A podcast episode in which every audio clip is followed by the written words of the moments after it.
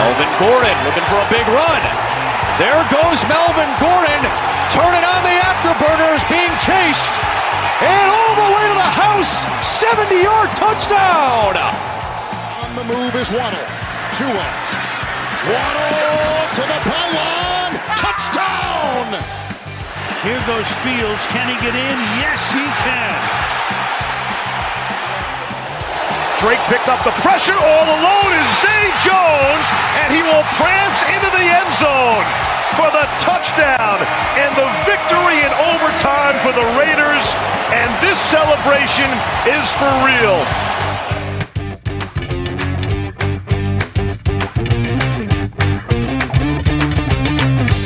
NFL op woensdag, jouw Nederlandstalige podcast over de NFL, de National Football League. NFL op woensdag is een productie van het Groningse podcastconglomeraat KVM Media. Voetbal is terug. Week 1 staat weer in de boeken en ondanks dat zowel de Bears als de Ravens een dikke vette L om de oren kregen, zijn uw hosts toch vooral blij dat ze zondagavond om 7 uur niet meer voor dat suffe Studio Sport eh, eh, de televisie hoeven aan te zetten. Dit is aflevering 16 van het tweede seizoen van NFL op woensdag.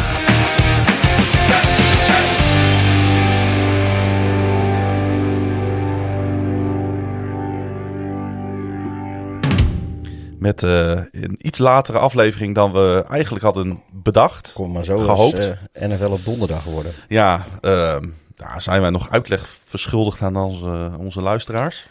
Nou ja, jij bent ziek en ik heb, ik heb een baan. Ah, ziek, ziek, ziek. Ja, Klinkt wel een beetje ziek. ik, ik klink een beetje ziek. Ik heb een beetje... Drink spaarrood. Ja, dit is echt...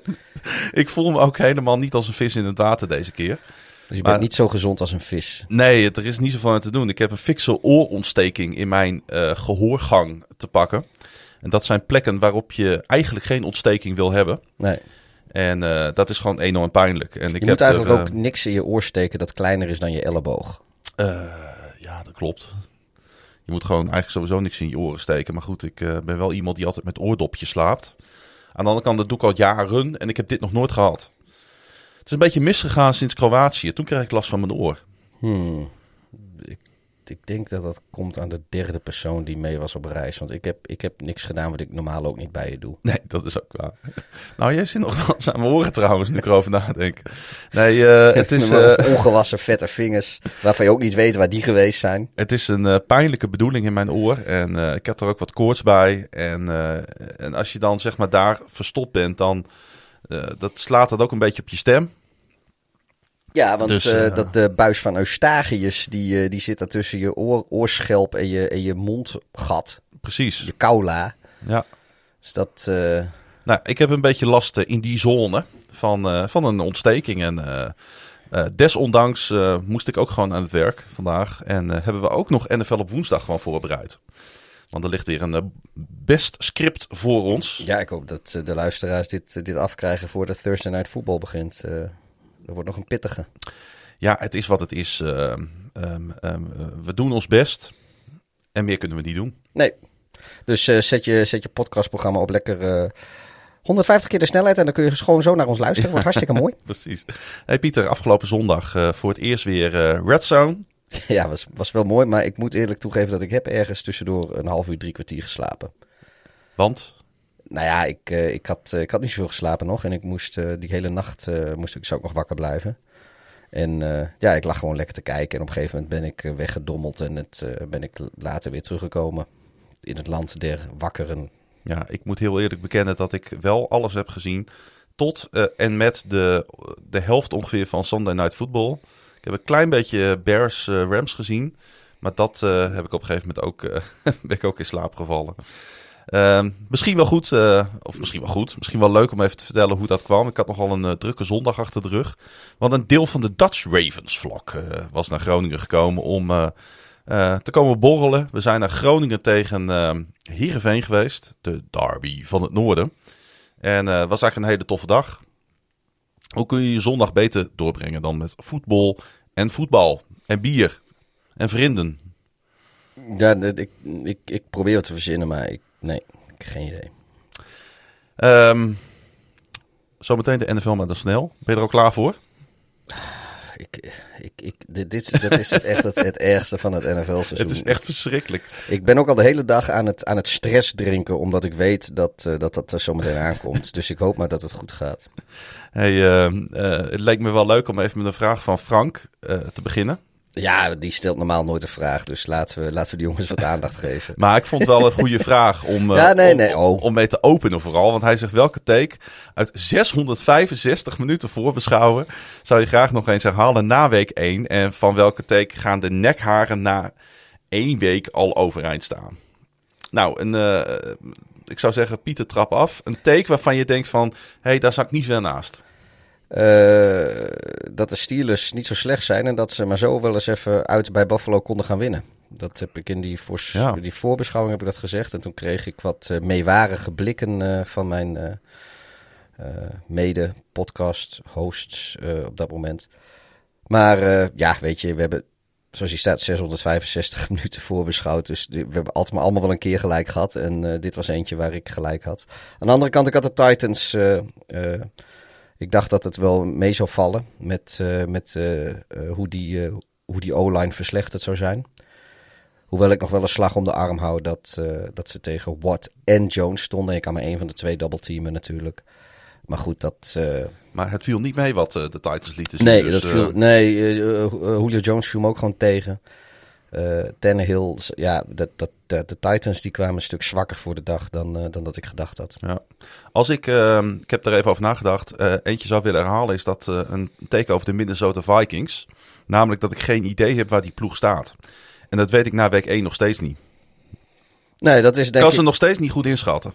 Nee, en, en Cousins blijft gewoon Cousins. En ik denk meer en meer is Cousins die quarterback waarvan je af en toe denkt van nou, die jongen heeft misschien wel talent, maar ik blijf erbij. Je, je, wint, je wint niks met die jongen. In Washington weet ze al lang. In, in, in, in Minneapolis zijn er meer en meer mensen Hij past wat dat betreft bij dat team. Want dat hele team heeft talent. Ja. Alleen ja. het komt er niet helemaal uit. Nee, maar goed. Bij, ik, ik, ik denk dat, uh, dat quarterback zo langzamerhand echt hun, hun probleempositie is. Ja.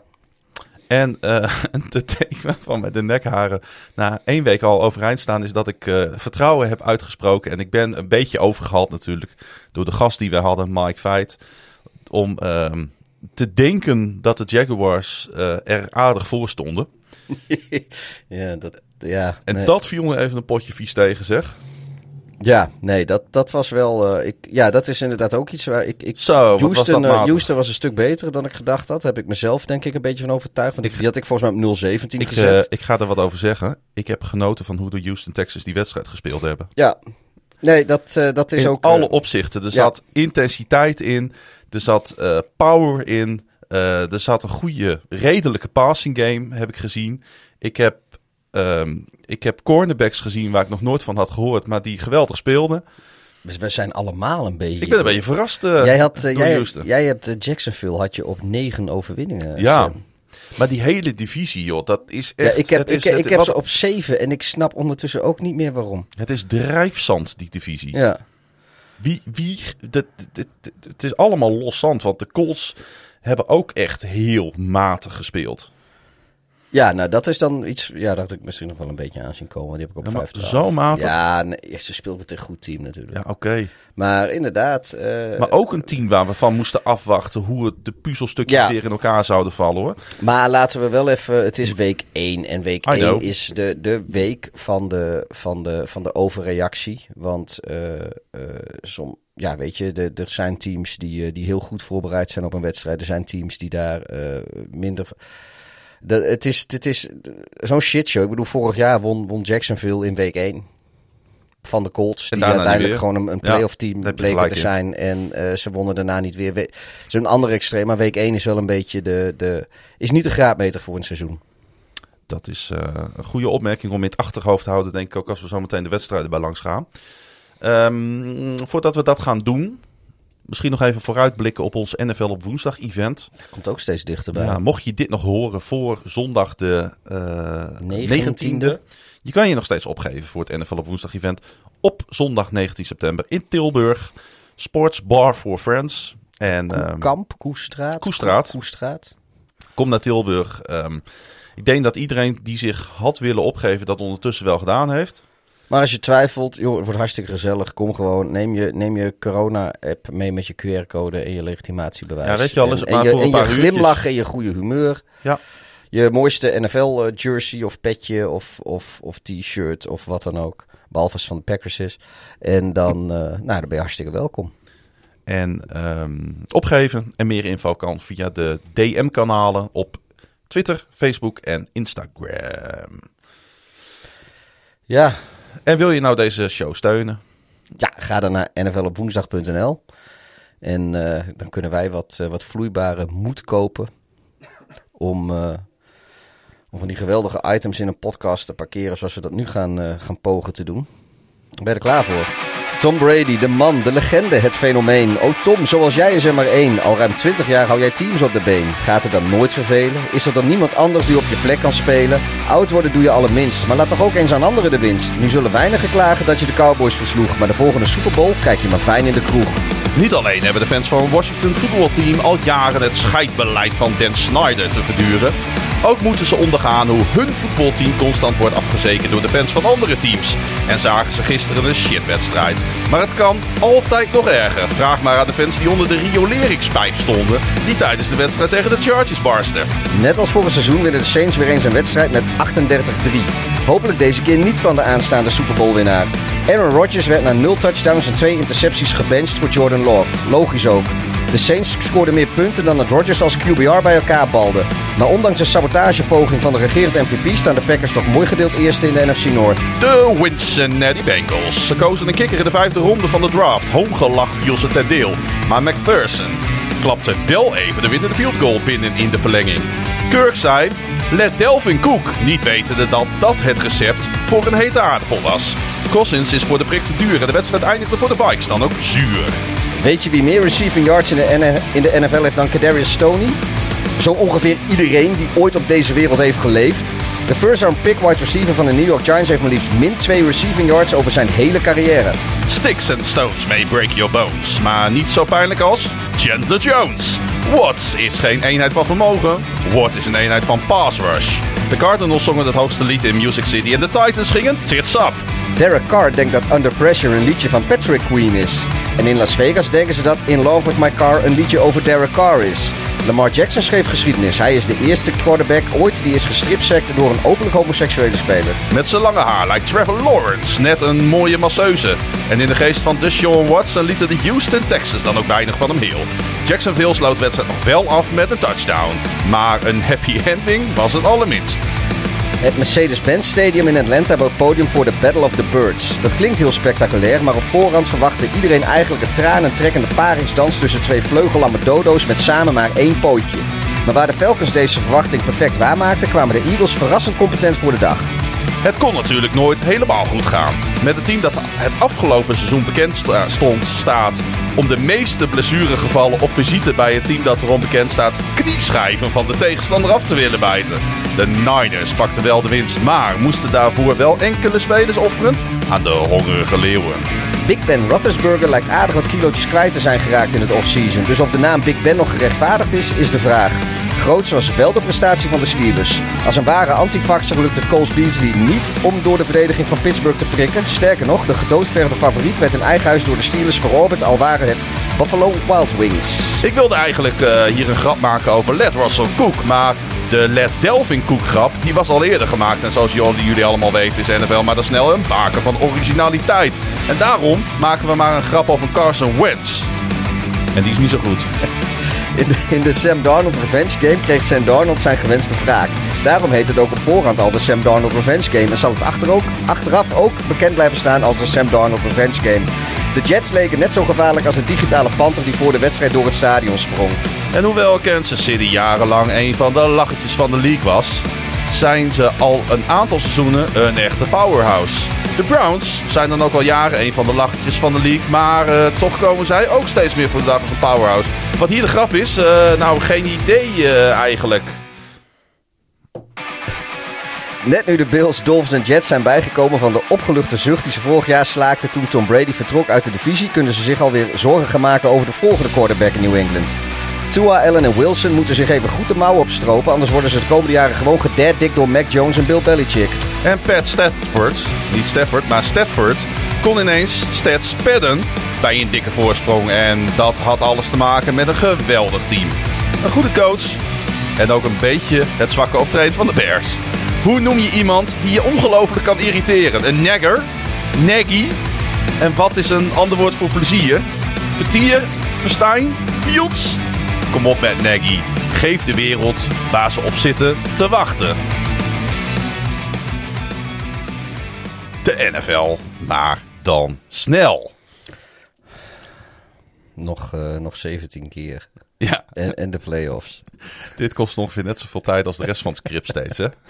Grap wordt ook echt steeds slechter. Ja, nou ja, goed. eh, Soms zitten ze er niet eens meer in. Vind je dat we hiermee moeten doorgaan? Laat het weten. Vind je dat we hiermee moeten stoppen? Laat het dan ook vooral weten. Ja, als je, als je vindt dat we, dat we hiermee moeten doorgaan, doneer dan. Nee, als, we vindt, als je vindt dat we hiermee moeten stoppen, doneer dan niet op onze petje.af.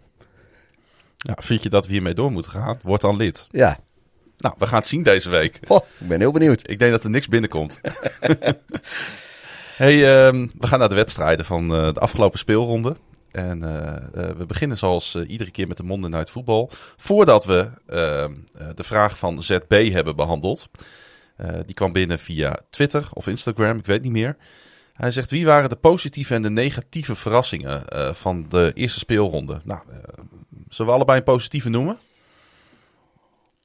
Ja, ik, ik, ik word een beetje afgezaagd, maar ik- dan denk ik toch weer eh, James Winston En de New Orleans Saints. en de Saints. Maar vooral Winston, kijk, dat, de- dat de Saints op zich een goed team waren, dat, eh, dat, dat ja, weet je, dat is niet heel verrassend. Ik- hoewel ik ergens in een, een van die voorspelpodcasts eh, de decline had voorspeld. Maar ja, goed, je moet, eh, je moet wat.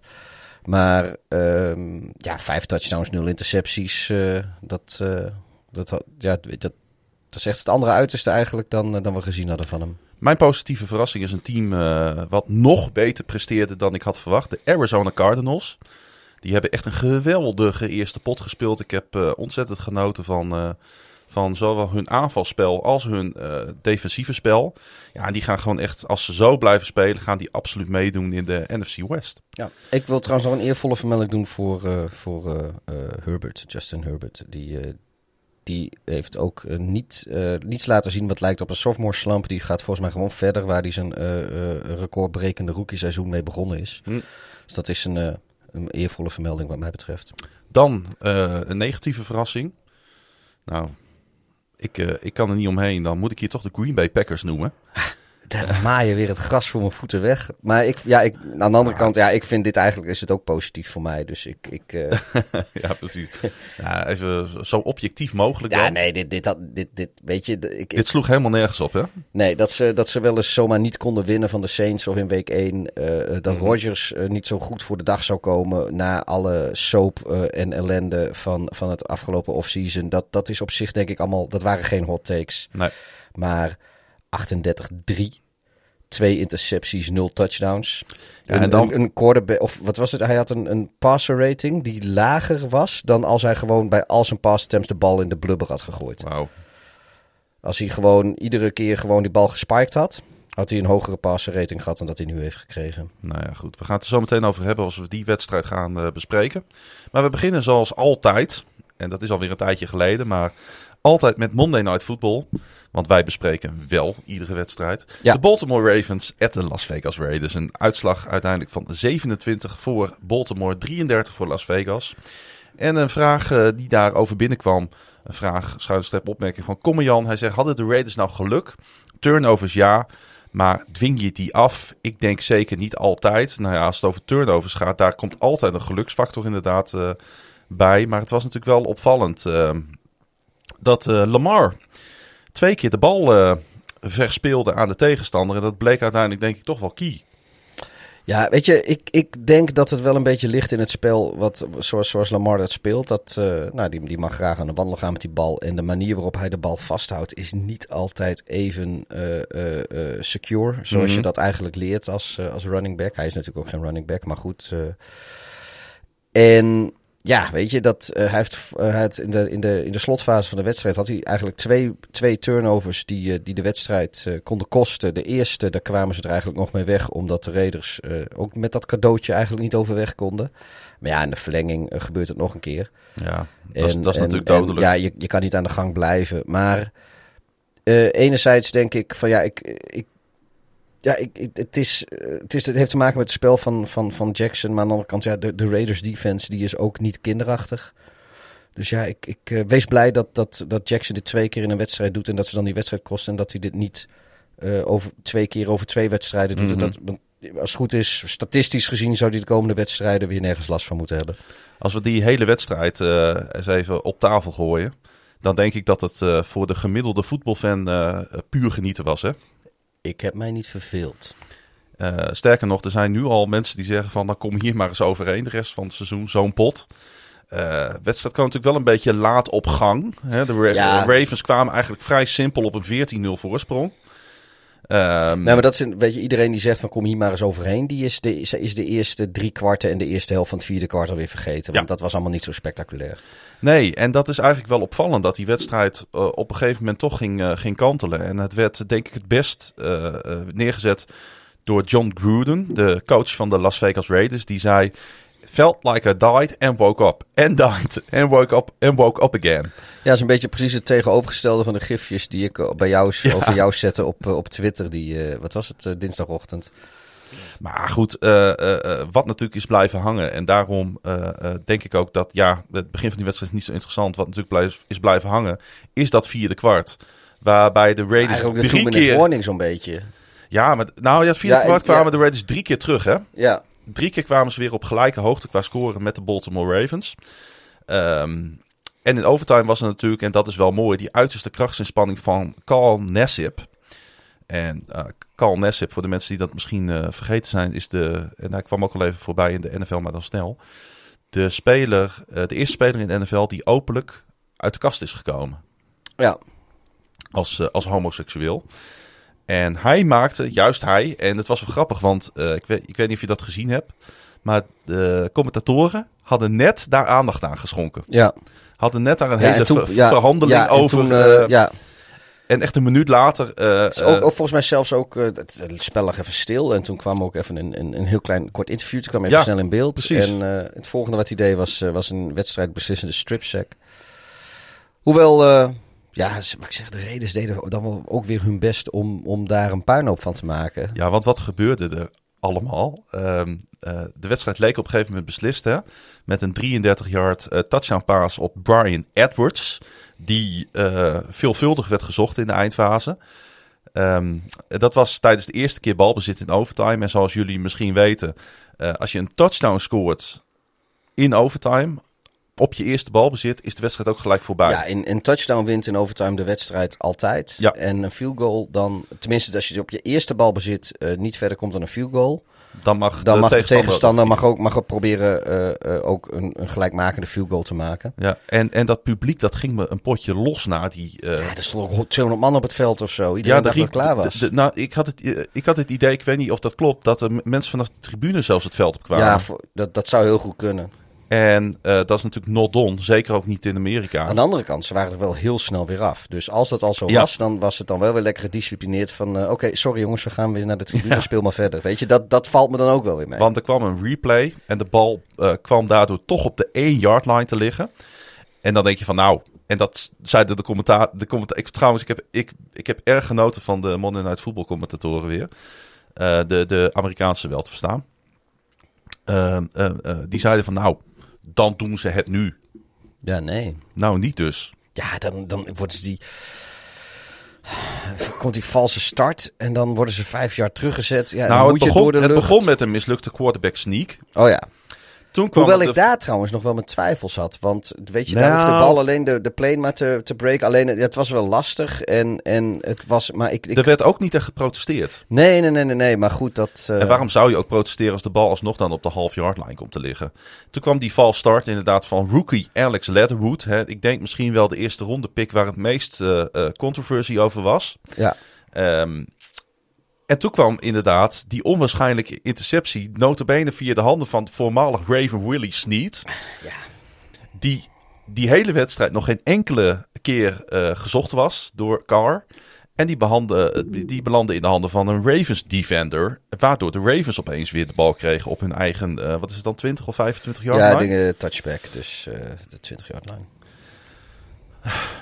Het was, eh, het was eh, een, een heen en weer geslingerd tussen emoties in ieder geval. Wat vond je trouwens van, eh, van de sfeer in dat nieuwe stadion van Las Vegas? Ja, ik denk dat eh, met dit stadion hebben de, de Raiders wel een beetje een, een stadion waar de sfeer zoals ze hun... Kijk, in Oakland was die sfeer er ook wel. Alleen het was zo'n zo'n grote lege bak. Dat, het, het kwam niet echt uit, weet je. Je zag de beelden altijd wel van, van de black hole en iedereen gaat er helemaal uit zijn dak. Maar je krijgt het dan niet echt helemaal mee als je, als je die wedstrijd kijkt. Omdat dat verder zo'n groot sfeerloos hol was. En nu... Was goed hè? Nu, eh, nu hebben ze zeg maar ook gewoon, die akoestiek is gewoon goed. En iedereen was natuurlijk sowieso hyped als fuck. Want ja, het was de eerste wedstrijd in het stadion. Eh, eh, het is Monday night, dus heel veel mensen. die zaten al een weekend lang in Las Vegas. En die gingen dat eens even afsluiten met, met, een, met een Monday night voetbal daar. Ja, weet je, dat alle, dat had alle ingrediënten om gewoon een geweldige wedstrijd te zijn. In ieder geval en voor de, voor de Raven, of eh, sorry, de Raiders fans eh, was het natuurlijk ook gewoon uiteindelijk een droomuitslag. Ik, als ik Raider fan was, was ik denk ik in die laatste twee minuten in de verlenging, in de, wat Gruden ook al zei, drie keer dood gegaan. Ja. Maar het was, eh, dit zijn wel die wedstrijden, weet je, daar vertel je kleinkinderen later over als je erbij was. Er was nog een blunder te vermelden in, de, in die overtime. Eh, want eh, op een gegeven moment maakte Gruden de beslissing om zijn field goal unit het veld op te sturen. Ja, bij, bij second down. Op second down inderdaad. Wat op zich prima was. Want eh, waarom zou je in zo'n wedstrijd die zo verloopt nog meer risico's gaan nemen? Wat gebeurt er? De field goal unit staat niet op tijd klaar. Er komt een delay of game. Ja, want ze hadden geen timeouts meer, hè? Ze hadden geen timeouts meer inderdaad. En wat doet hij? Hij stuurt zijn aanval het veld weer op. Want ze waren vijf yards Ja, kwijtgeraakt. en net buiten field goal range. Toen had ik nou, echt op zo- het randje van. Ja, maar het, het was allerminst zeker. Dus ik dacht echt van, nou, dit gaan ze verkontjen. Dit, Ja. dit, dit, dit, Hoe dan? ja. En eh, wat gebeurt er? Carr gooit een touchdown paas. Ja, Op nee, die play. Ja, nee, dat, die zat in, eh dat was, zat in de intro, dat fragmentje.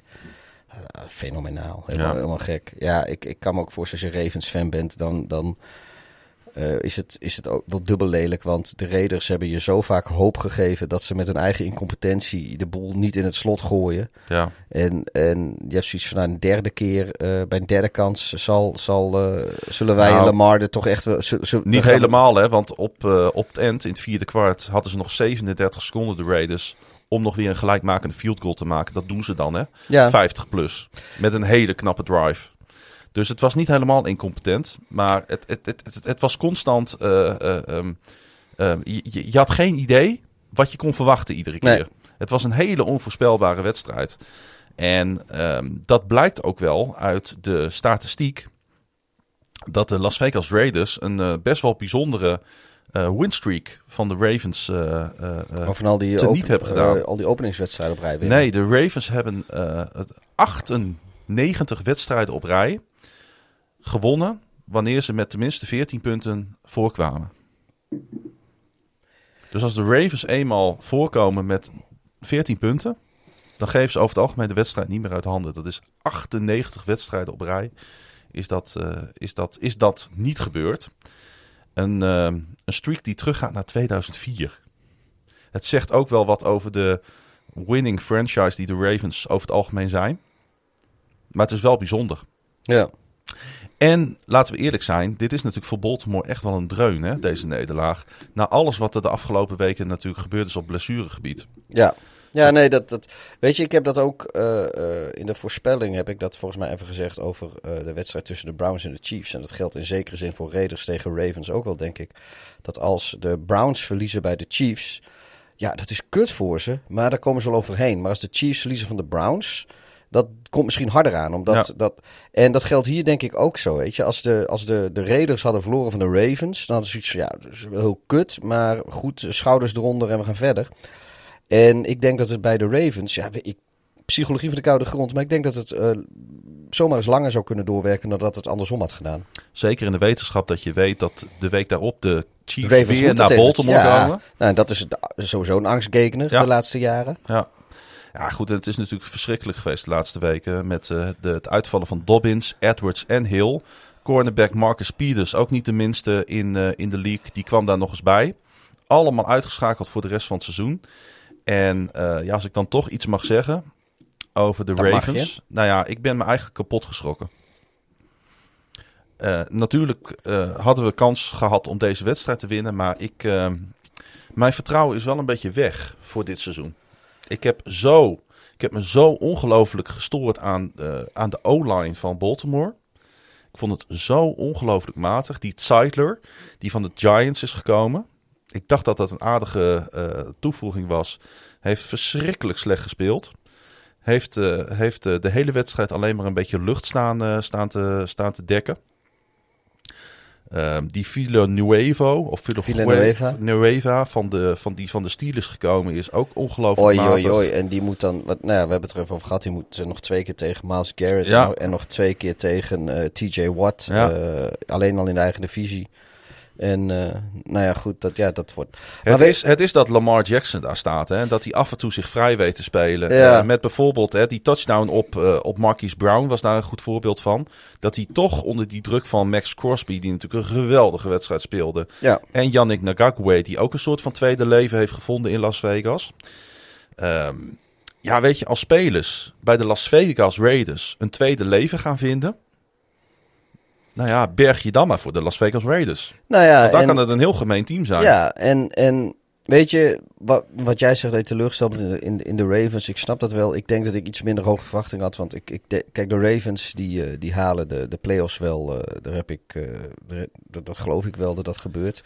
Maar ik denk wel een beetje dat dat eerste, of weet je wel, de, de, de wildcard of misschien de division round. Dat is denk ik in deze AFC wel het plafond van de Ravens. Eh, zeker als je kijkt eh, welke spelers er nu al weggevallen Ja, zijn. nou ja, nu wordt het inderdaad. Kijk, als de Steelers inderdaad eh, eh, ook gewoon voor de divisie mee gaan spelen. Nou, dit, volgens mij heb ik dat ook in de, in de voorspelling voor de AFC Noord gezegd. Dat er gaan drie teams gaan, gaan voor, die, voor die titel. En de Bengals zitten er niet bij.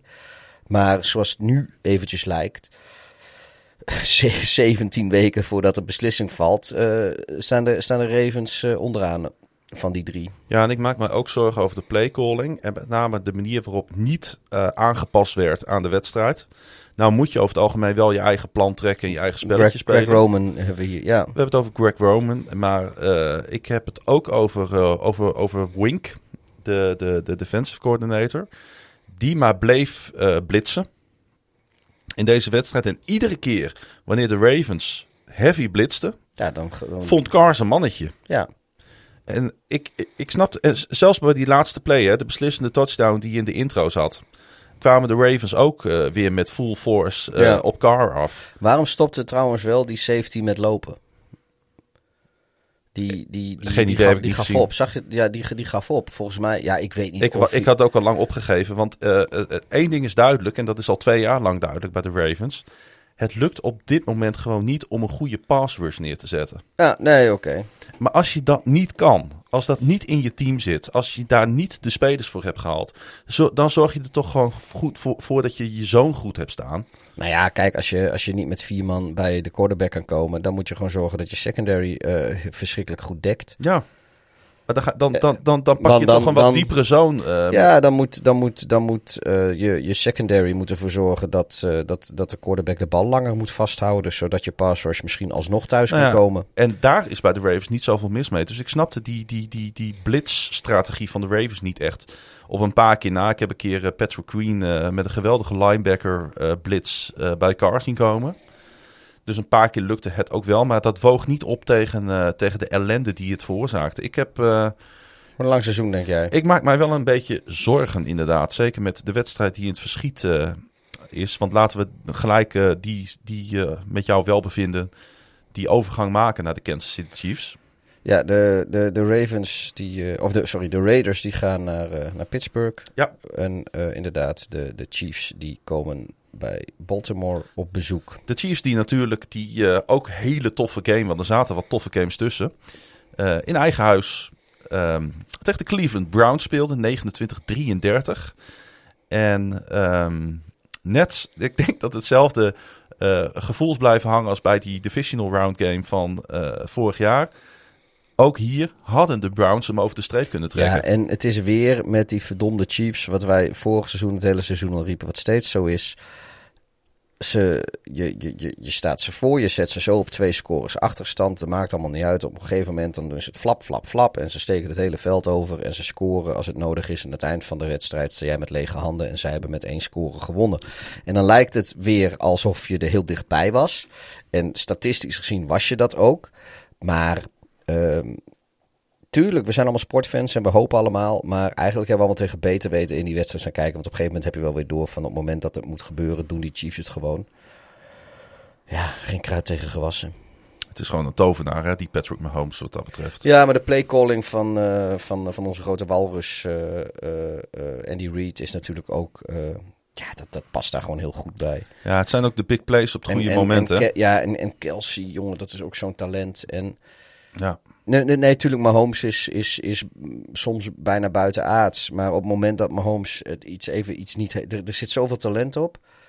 Ik denk, aanvallend, op het moment zit er zoveel talent in dat team... dat je hoeft niet altijd Mahomes daar te hebben om te winnen. Ik denk wel dat, uh, dat, dat dankzij Mahomes eigenlijk wel alles winnen.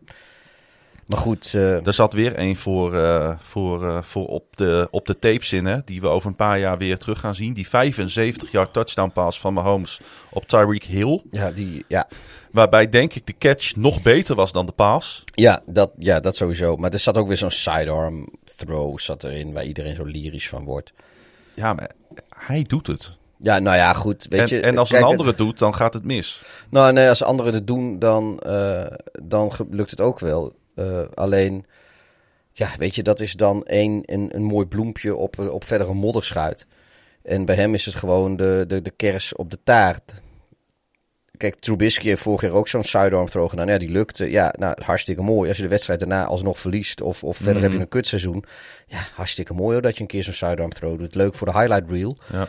Maar uh, nobody cares. En dat, nou ja, dat is natuurlijk bij, uh, bij Mahomes niet zo. Want bij hem is het gewoon een hoogtepunt in een, in een serie uh, succeswedstrijden, succescarrière. We hadden het over de Ravens die in de Chiefs een angstgekenen hebben de laatste jaren. Nou, voor Cleveland geldt hetzelfde. Want ook voor Cleveland was het de vijfde verliespartij op rij tegen de Chiefs.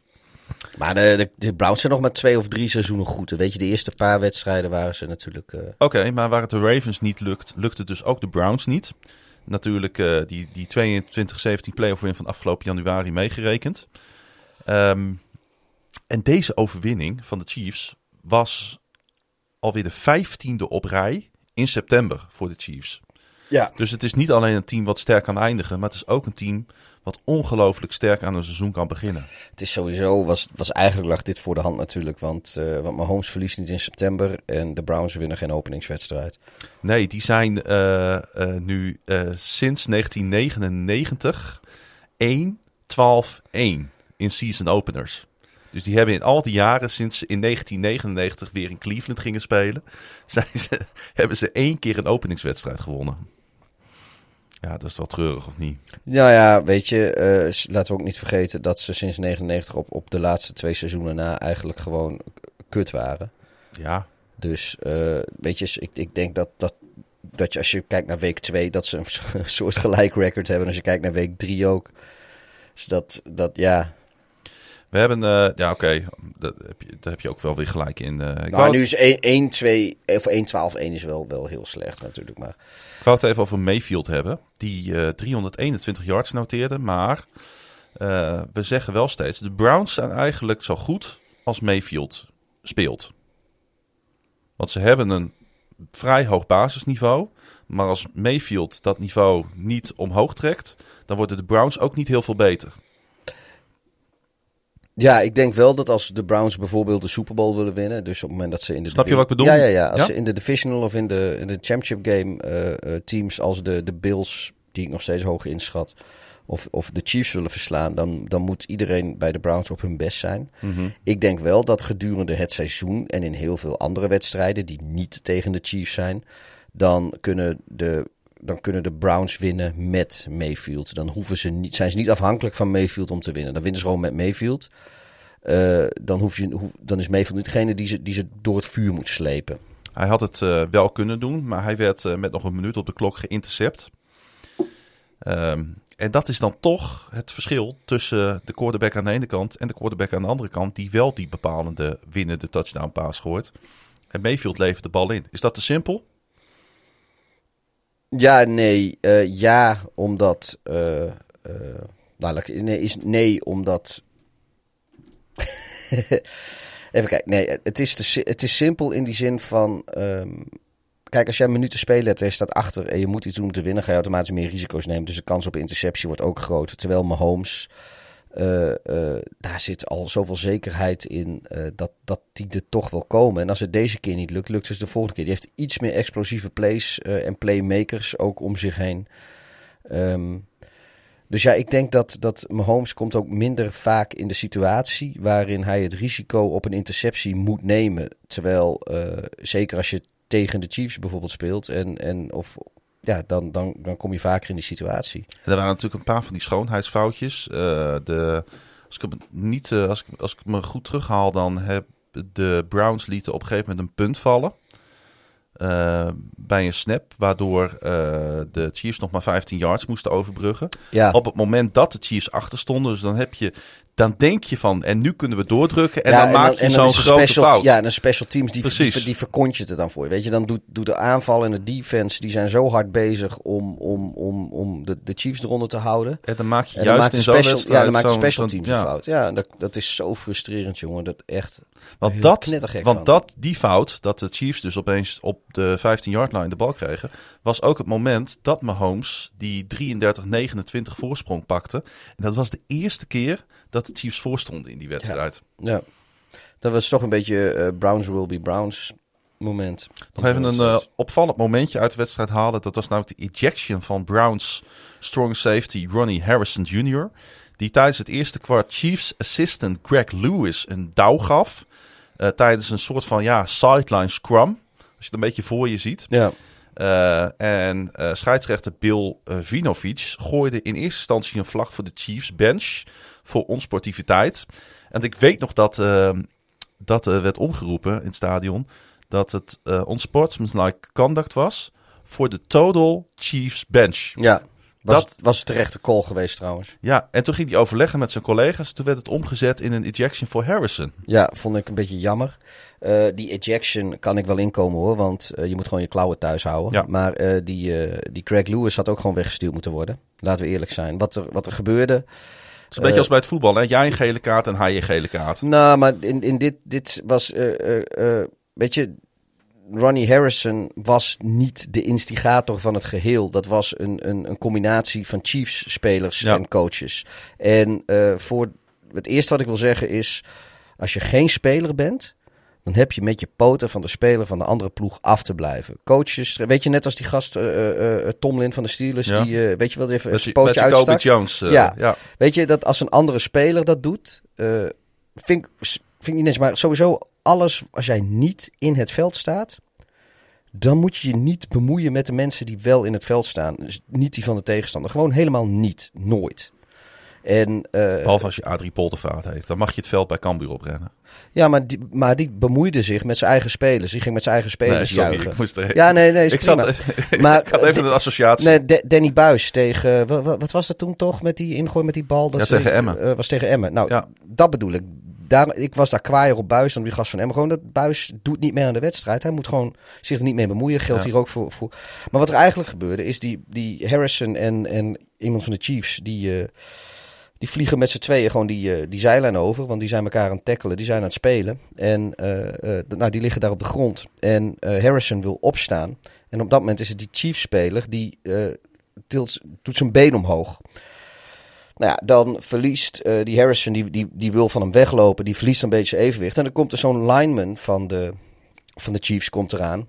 Mm. En met zijn dikke pens drukt, drukt hij ook even tegen Harrison. Die op dat moment net op één been staat. Even zijn evenwicht verliest. En daardoor een stap terug doet op eh, die speler. Ik ben even zijn naam kwijt. eh, van de Chiefs. Nou, ja, dat ziet die eh, assistent-trainer van de Chiefs, die Greg Lewis, ziet dat. En die geeft vervolgens Harrison een douw. Zo van, je moet niet op die speler staan. Mhm. Nou ja, en dan geeft Harrison, die geeft die, die Greg Lewis een douw. Nou, dat laatste keur ik niet goed.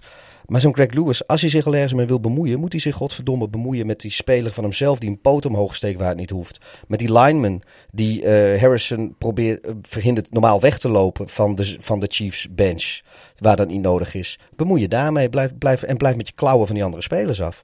Maar goed, dat is, eh, ik heb er op Twitter ook al over gediscussieerd, onder andere met, met Mike. Dat is hoe ik erover denk. En Nogmaals, Harrison had niet moeten uithalen, maar uh, die Greg Lewis verdient ook gewoon minimaal dezelfde straf en dezelfde boete als die Harrison krijgt. Waarvan achter. De Browns moesten het uh, trouwens doen zonder wide receiver Odell Beckham Jr. Het begint een beetje een never-ending story te worden. Ja. Want ze hebben nog niet heel veel plezier uh, aan hem ooit, mogen beleven. Ooit is hij de bruid. Ja. Goed. we gaan het alweer. Ja, het, het is. Ja. Ik, ik, ik, ik, weet je, ik vind het zonde. Ik, ik, denk dat de zonde, NFL precies. leuker is Ja. met, met Odell Beckham Jr. Aan de andere kant, weet je, eh, eh, on- ondertussen is het drie jaar geleden, of misschien wel vier jaar geleden, dat hij de Odell Beckham Jr. was, waar, waar, waar wij allemaal nog naar terug verlangen. Dus Ja. ik weet niet eens of hij dat nog is. Zelfs als We noemden het al in de voorbeschouwing, hè, dat we ernstig eh, twijfel hebben of hij ooit nog op, op zijn oude niveau komt. Ja. Goed, de Chiefs hebben hun overwinning in ieder geval binnen en eh, gaan, zoals we al een paar keer hebben gezegd, spelen op Sunday Night Football in Baltimore. En de Browns, die eh, hebben een hele andere wedstrijd voor de boeg. Die spelen een thuiswedstrijd tegen de Houston Texans. Maar die moeten ze wel gewoon echt winnen. En eh, Ja, tegen de Texans die, en dat zal het hele seizoen zo zijn, in ieder geval niets te verliezen hebben. nee, precies. Zoals dat dan zo mooi heet. Volgende wedstrijd. We blijven een beetje in die, eh, in die AFC-hoek eh, voorlopig. De, nou ja, laten we dan toch maar, eh, vanuit mij gezegd, dan in ieder geval toch wel verrassende overwinning van de Pittsburgh Steelers in Buffalo tegen de Bills 23-16. En ehm, tegelijkertijd, tegelijk daarmee vraagt Ivo zich af: is Josh Allen een one-season wonder? Nee. Maar de Steelers defense is gewoon echt heel, heel goed. Onwaarschijnlijk sterk, hè? En die, zit, die, weet je, die secondary eh, is, is, is sterk, maar die, die pass rush is, is echt heel goed. En de play calling, voor, weet, je, weet je wat die defense doet tactisch, is ook gewoon verschrikkelijk goed. En nou ja, ik, om de vraag van Ivo te beantwoorden, ik ga gewoon weer naar, eh, het is week 1. Eh, de Bills die komen zo vanuit de voorbereiding, komen ze tegen misschien wel de beste defense in de league van dit moment. En er komt, ze hebben alle druk op zich eigenlijk. Vorig jaar AFC Championship game in eigen huis. eh Bills Mafia, knettergek. Ja, weet je, komt het er even niet uit. Maar of, of je dan een one-season wonder bent, nee, ik denk het niet. Ik zit toch elke keer zit ik als ik eh, naar wedstrijden van de Bills zit te kijken, zit ik weer naar dat publiek in dat stadion te kijken. Hoe ongelooflijk, bijna on-Amerikaans gaaf die sfeer daar is. Hè? Zag je, heb je ook gezien dat ze daar een, eh, een echt een pasgeboren baby, maand of twee misschien of zo. En is een heel klein tafeltje hadden ze gemaakt. En ze hadden dat, be- dat kleine babytje hadden ze in een Bills tenuutje geheisterd.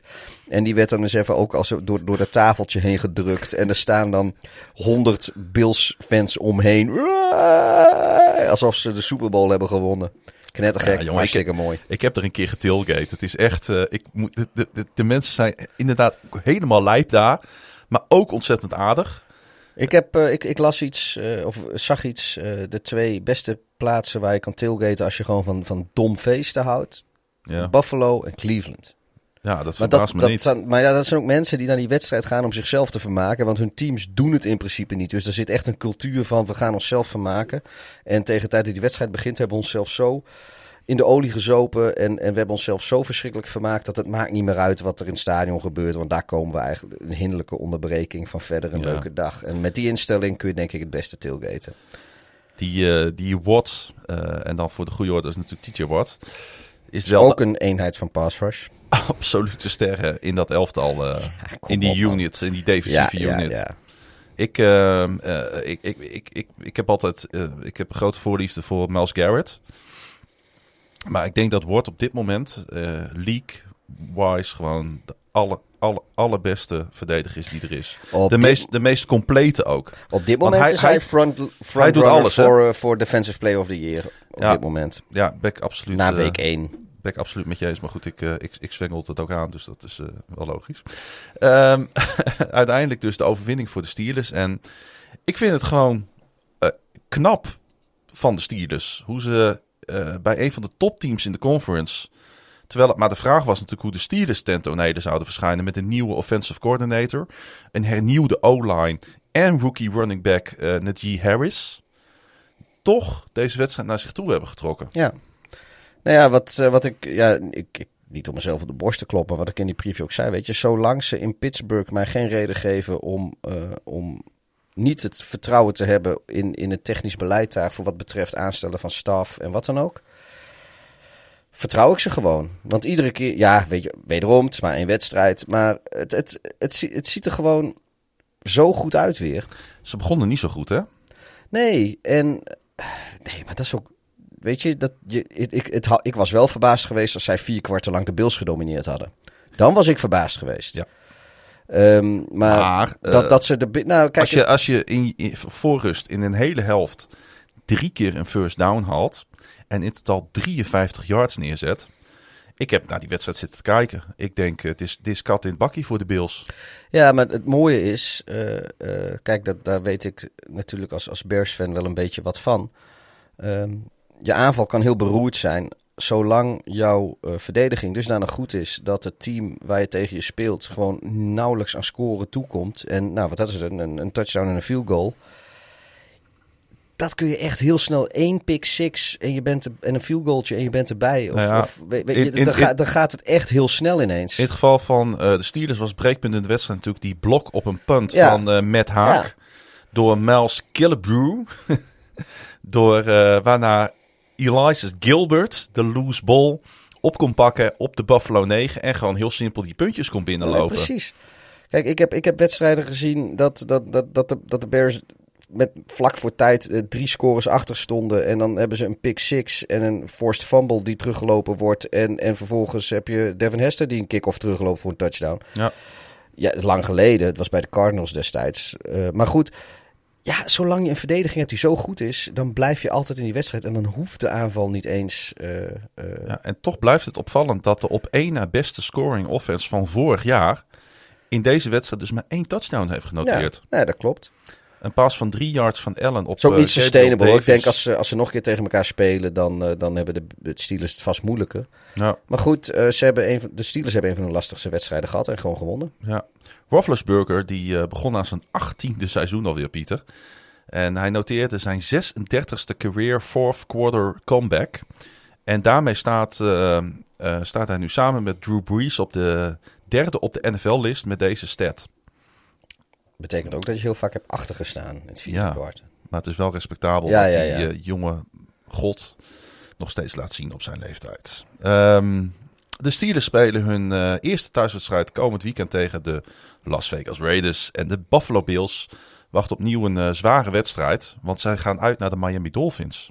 Ik, die eh, Steelers Raiders wordt op, op, of het gaat enorm tegenvallen of het wordt heel leuk. Ja, lekker dooddoen maar. Nou, op basis van wat we hebben gezien dit weekend kan dat een hele toffe Ja, worden omdat de. Steelers hebben natuurlijk een beetje, eh, die hebben gewoon, die komen van een high qua prestatie en die hebben ook gewoon zeker qua verdediging een masterclass laten zien. En de Raiders die hebben ook, beetje boven hun kunnen gepresteerd, denk ik. En nu gaan we zien wie een van die twee moet breken, denk ik. Absoluut. Het speelde nog wat anders eh, in, eh, in Buffalo, terwijl het raam eh, hier open vliegt. Even een beetje dicht doen. Maar er kwam een vleermuis aan, die deed het raam even Ja, open. precies. Een hele een vleren hond. Uh, want wat er uh, natuurlijk in de hele NFL speelt, wat wereldwijd speelt, wat overal in sport speelt, is de, de vaccinaties. De vaccinaties. En die worden verplicht voor fans in Buffalo. De eigenaars van de Buffalo Bills hebben bekendgemaakt dat alle fans die wedstrijden willen bezoeken in Highmark Stadium en KeyBank Center, thuishaven van de Buffalo Sabres, gevaccineerd dienen te zijn. Geldt dat ook voor Cole Beasley? Ja, dat vroeg ik mij dus af. Dat, staat, dat uh, stond niet in het persbericht. Nee, maar ik denk, ik denk in principe niet, want die zijn natuurlijk niet de gast. Of Nee. die is niet de gast, die, die werkt daar. En als dat een beetje zoals in Nederland, we hebben, ehm, ja, uh, leuk COVID, zijpaadje. Maar we hebben vandaag net gehoord dat, uh, dat vanaf een paar weken uh, cafés en horecagelegenheden, andere horecagelegenheden, om een, eh, in principe, je, je moet je kunnen laten zien dat je uh, ofwel negatief getest bent in de 24 uur ervoor, denk ik, of, of je bent gevaccineerd. Ja, ja. Maar hier gaan ze dus nog Maar- een stapje verder, hè? Maar, uh, Want een test is niet voldoende. Nee, oké, maar de, de, ondertussen mag de barman mag het van zijn personeel niet vragen. Dus de kans bestaat dat ik straks een kroeg inloop en dat ik eh, mijn QR-code moet laten zien dat ik eh, dubbel gevaccineerd ben. Eh, en dat dat wordt gevraagd door iemand die niet gevaccineerd is en ook niet getest. Want dat. is eigenlijk wel een krankzinnige situatie, hè? ja, maar goed, dat. in- en, ja, en ik, ik. Geen idee. Ik neem aan dat het in Buffalo net zo is. Die, ze kunnen aan de, de fans kunnen ze bepaalde eisen stellen, maar aan werknemers misschien niet. Maar ja, in Amerika zijn de rechten ook anders. Ik heb geen idee. Eh, de eerstvolgende thuiswedstrijd van Buffalo is op 26 september tegen Washington voetbalteam. En iedereen van tenminste 12 jaar moet minimaal één vaccine shot hebben gehad om naar binnen te mogen. En de regel wordt nog zwaarder. Bij de thuiswedstrijd tegen de Miami Dolphins op 31 oktober moet iedereen volledig gevaccineerd zijn. En mondkapjes zijn dan, want dat is natuurlijk ook de andere kant van het verhaal, niet meer nodig. Er zijn, Spelen ze 31 oktober alweer tegen de Dolphins? Want Ja. dat, komende week gaan ze naar Miami ook. ja, Oké. nou, dat kan natuurlijk heel goed hè, in de onderling in de divisie. Ja, ja, ja. Er zijn drie andere teams die van hun fans vragen volledig gevaccineerd te zijn. Dat zijn op dit moment New Orleans, Seattle en Las Vegas. De Saints en de Seahawks accepteren volgens nog ook een negatieve test. De Raiders niet. Dat eigenlijk, eh, ja, In Sin City moet je dus, eh, zijn ze dus het strengst. ik vind het wel grappig, want je mag daar... Ja, ik weet niet hoe het in het stadion is, maar je mag in, eh, in, eh, in Nevada mag je in principe overal binnen roken qua horecagelegenheden. Ik heb geen idee hoe, hoe, daar, hoe het daar in het stadion zit hoor, maar ik denk het niet. Onwaarschijnlijk bizar is dat toch Maar, altijd eh, als je daar, eh, eh, als je ondertussen in Nederland gewend bent en je Ja. loopt daar inderdaad een casino in, dan staat Nou ja, het opeens de- weer blauw van de rook. Ik weet nog toen, ja, toen ik nog rookte, liep ik daar een keer rond en eh, zo'n bankje. En ik ging een bankje zitten, asbakje ernaast, steken sigaretten op. Zie ik twee van die bewakers aankomen. En, en de eerste reactie is gewoon om je sigaret weg te stoppen. Van straks zien ze dat ik rook, terwijl ja, het gewoon legaal is. Maar je bent zo gewend al dat... De eerste reactie, ik ben binnen, ik zit te roken, ik zie uniformen, fuck, fuck, fuck. Ja, mooi is dat. Een soort van Pavlov-reactie. Ja, net als die treinen. Ja. Hey, eh, we hebben nog één team in de AFC North niet besproken. Dat zijn de Cincinnati Bengals. Hey, die Ehm. moesten tegen een team uit de NFC North. Ja, de Minnesota Vikings. En het venijn zat hem ook hier in de staart. Laat in de wedstrijd kwamen de Vikings op gelijke hoogte en dwongen daarmee overtime af. De Bengals zouden de Bengals niet zijn als ze het alsnog weg zouden geven. Maar zij kregen hulp van, ehm, ja, toch de, ik zou willen zeggen, de ondertussen ervaren en betrouwbare running back Delvin Cook. Ja, Want ehm, het was zijn fumble die laat in overtime werd opgepikt door, ehm, wat was het, die linebacker Pratt, Jermaine Pratt. ja. En, en dat luidde de game-winning score in een 30 33-yard field goal door die nieuwe kicker. Ronde 5, De eerste, de eerste kicker die gekozen werd in de afgelopen draft, Evan McPherson. McPherson, ja. McPherson, denk ik. Ja, zou dat een zoontje zijn van L. McPherson? Dat was in de jaren 90 zo'n supermodel. Ik weet niet eh, hoe Evan eruit ziet eh, zonder helm. Ik ook niet. Goed. ehm, ja, Zijn vader de had va- in ieder geval geen helm op. een grote paarse. maar maar, eh, die Vikings, jongen, dan sta je, sta je dik achter. Wat is het? Twee, twee scores. eh. Ja, 21-7 eh, stonden ze inderdaad achter. En ze, eh, Heb jij nou het woord shitload in het script gezet? ja, ik heb goede invloed op je. een shitload aan penalties. Nou ja, het was niet alleen die achterstand. Dat wou ik eigenlijk namelijk benoemen. Die 21-7 achterstand. Maar de Vikings kregen, nou dat is echt veel. 12 keer een vlag tegen voor 116 yards. Dat geef je dus weg met penalties. Dat is niet best. En ze hadden in hun opening drive drie valse starten.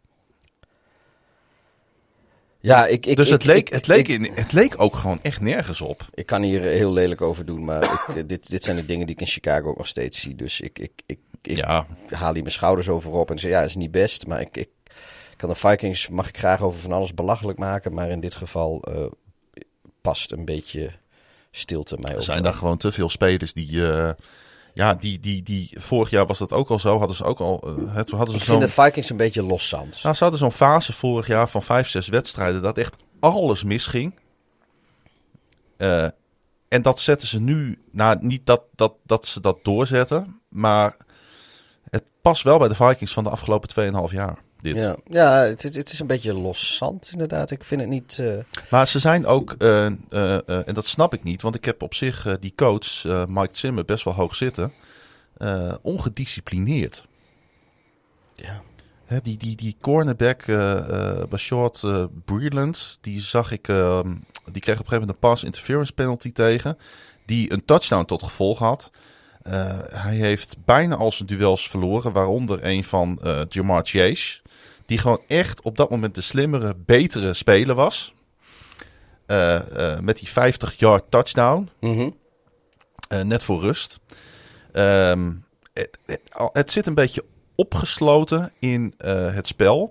En ik had het idee, die fumble van Cook in overtime was voor mij bijna karakteristiek voor hoe de Vikings voor de dag kwamen.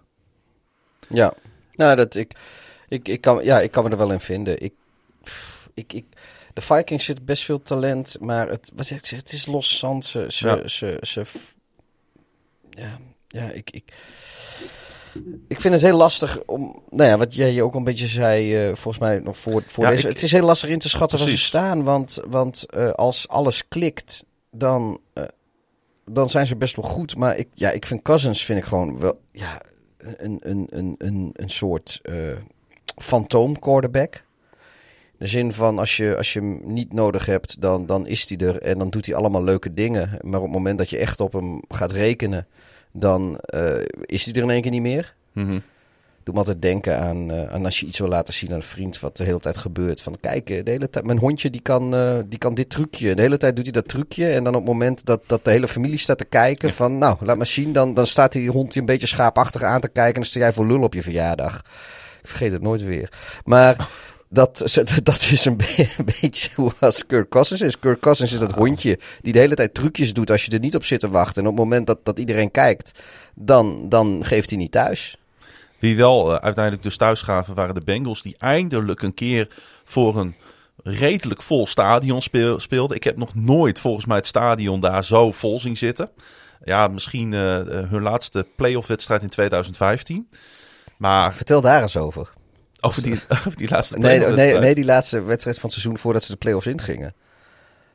Was dat niet, eh, was dat niet die wedstrijd dat ze, dat ze de laatste speelronde eh, Andy Dalton op, op een miraculeuze wijze de Ravens versloegen, waardoor zij naar de play-offs gingen en niet... Oh nee, de Bills gingen toen naar de play-offs in plaats van de Ravens. Juist. Ja, ik, ik, ik zit daar. Dat is voor mij op de een of andere manier altijd, denk ik, dat was het summum wat de Bengals de laatste jaren bereikt hebben. Ervoor zorgen dat... Dat, dat een divisiegenoot niet ging. Nee, maar eh, eh, eh, ik vond het. Ik, ik moet heel eerlijk zeggen dat ik. Ik heb op zich niet zo heel veel sympathie voor de Bengals. Niet eens omdat ze in de divisie zitten. Maar Ik vind het ook een beetje ik, een ik, vind team. het. Dat, Die dat, lelijke.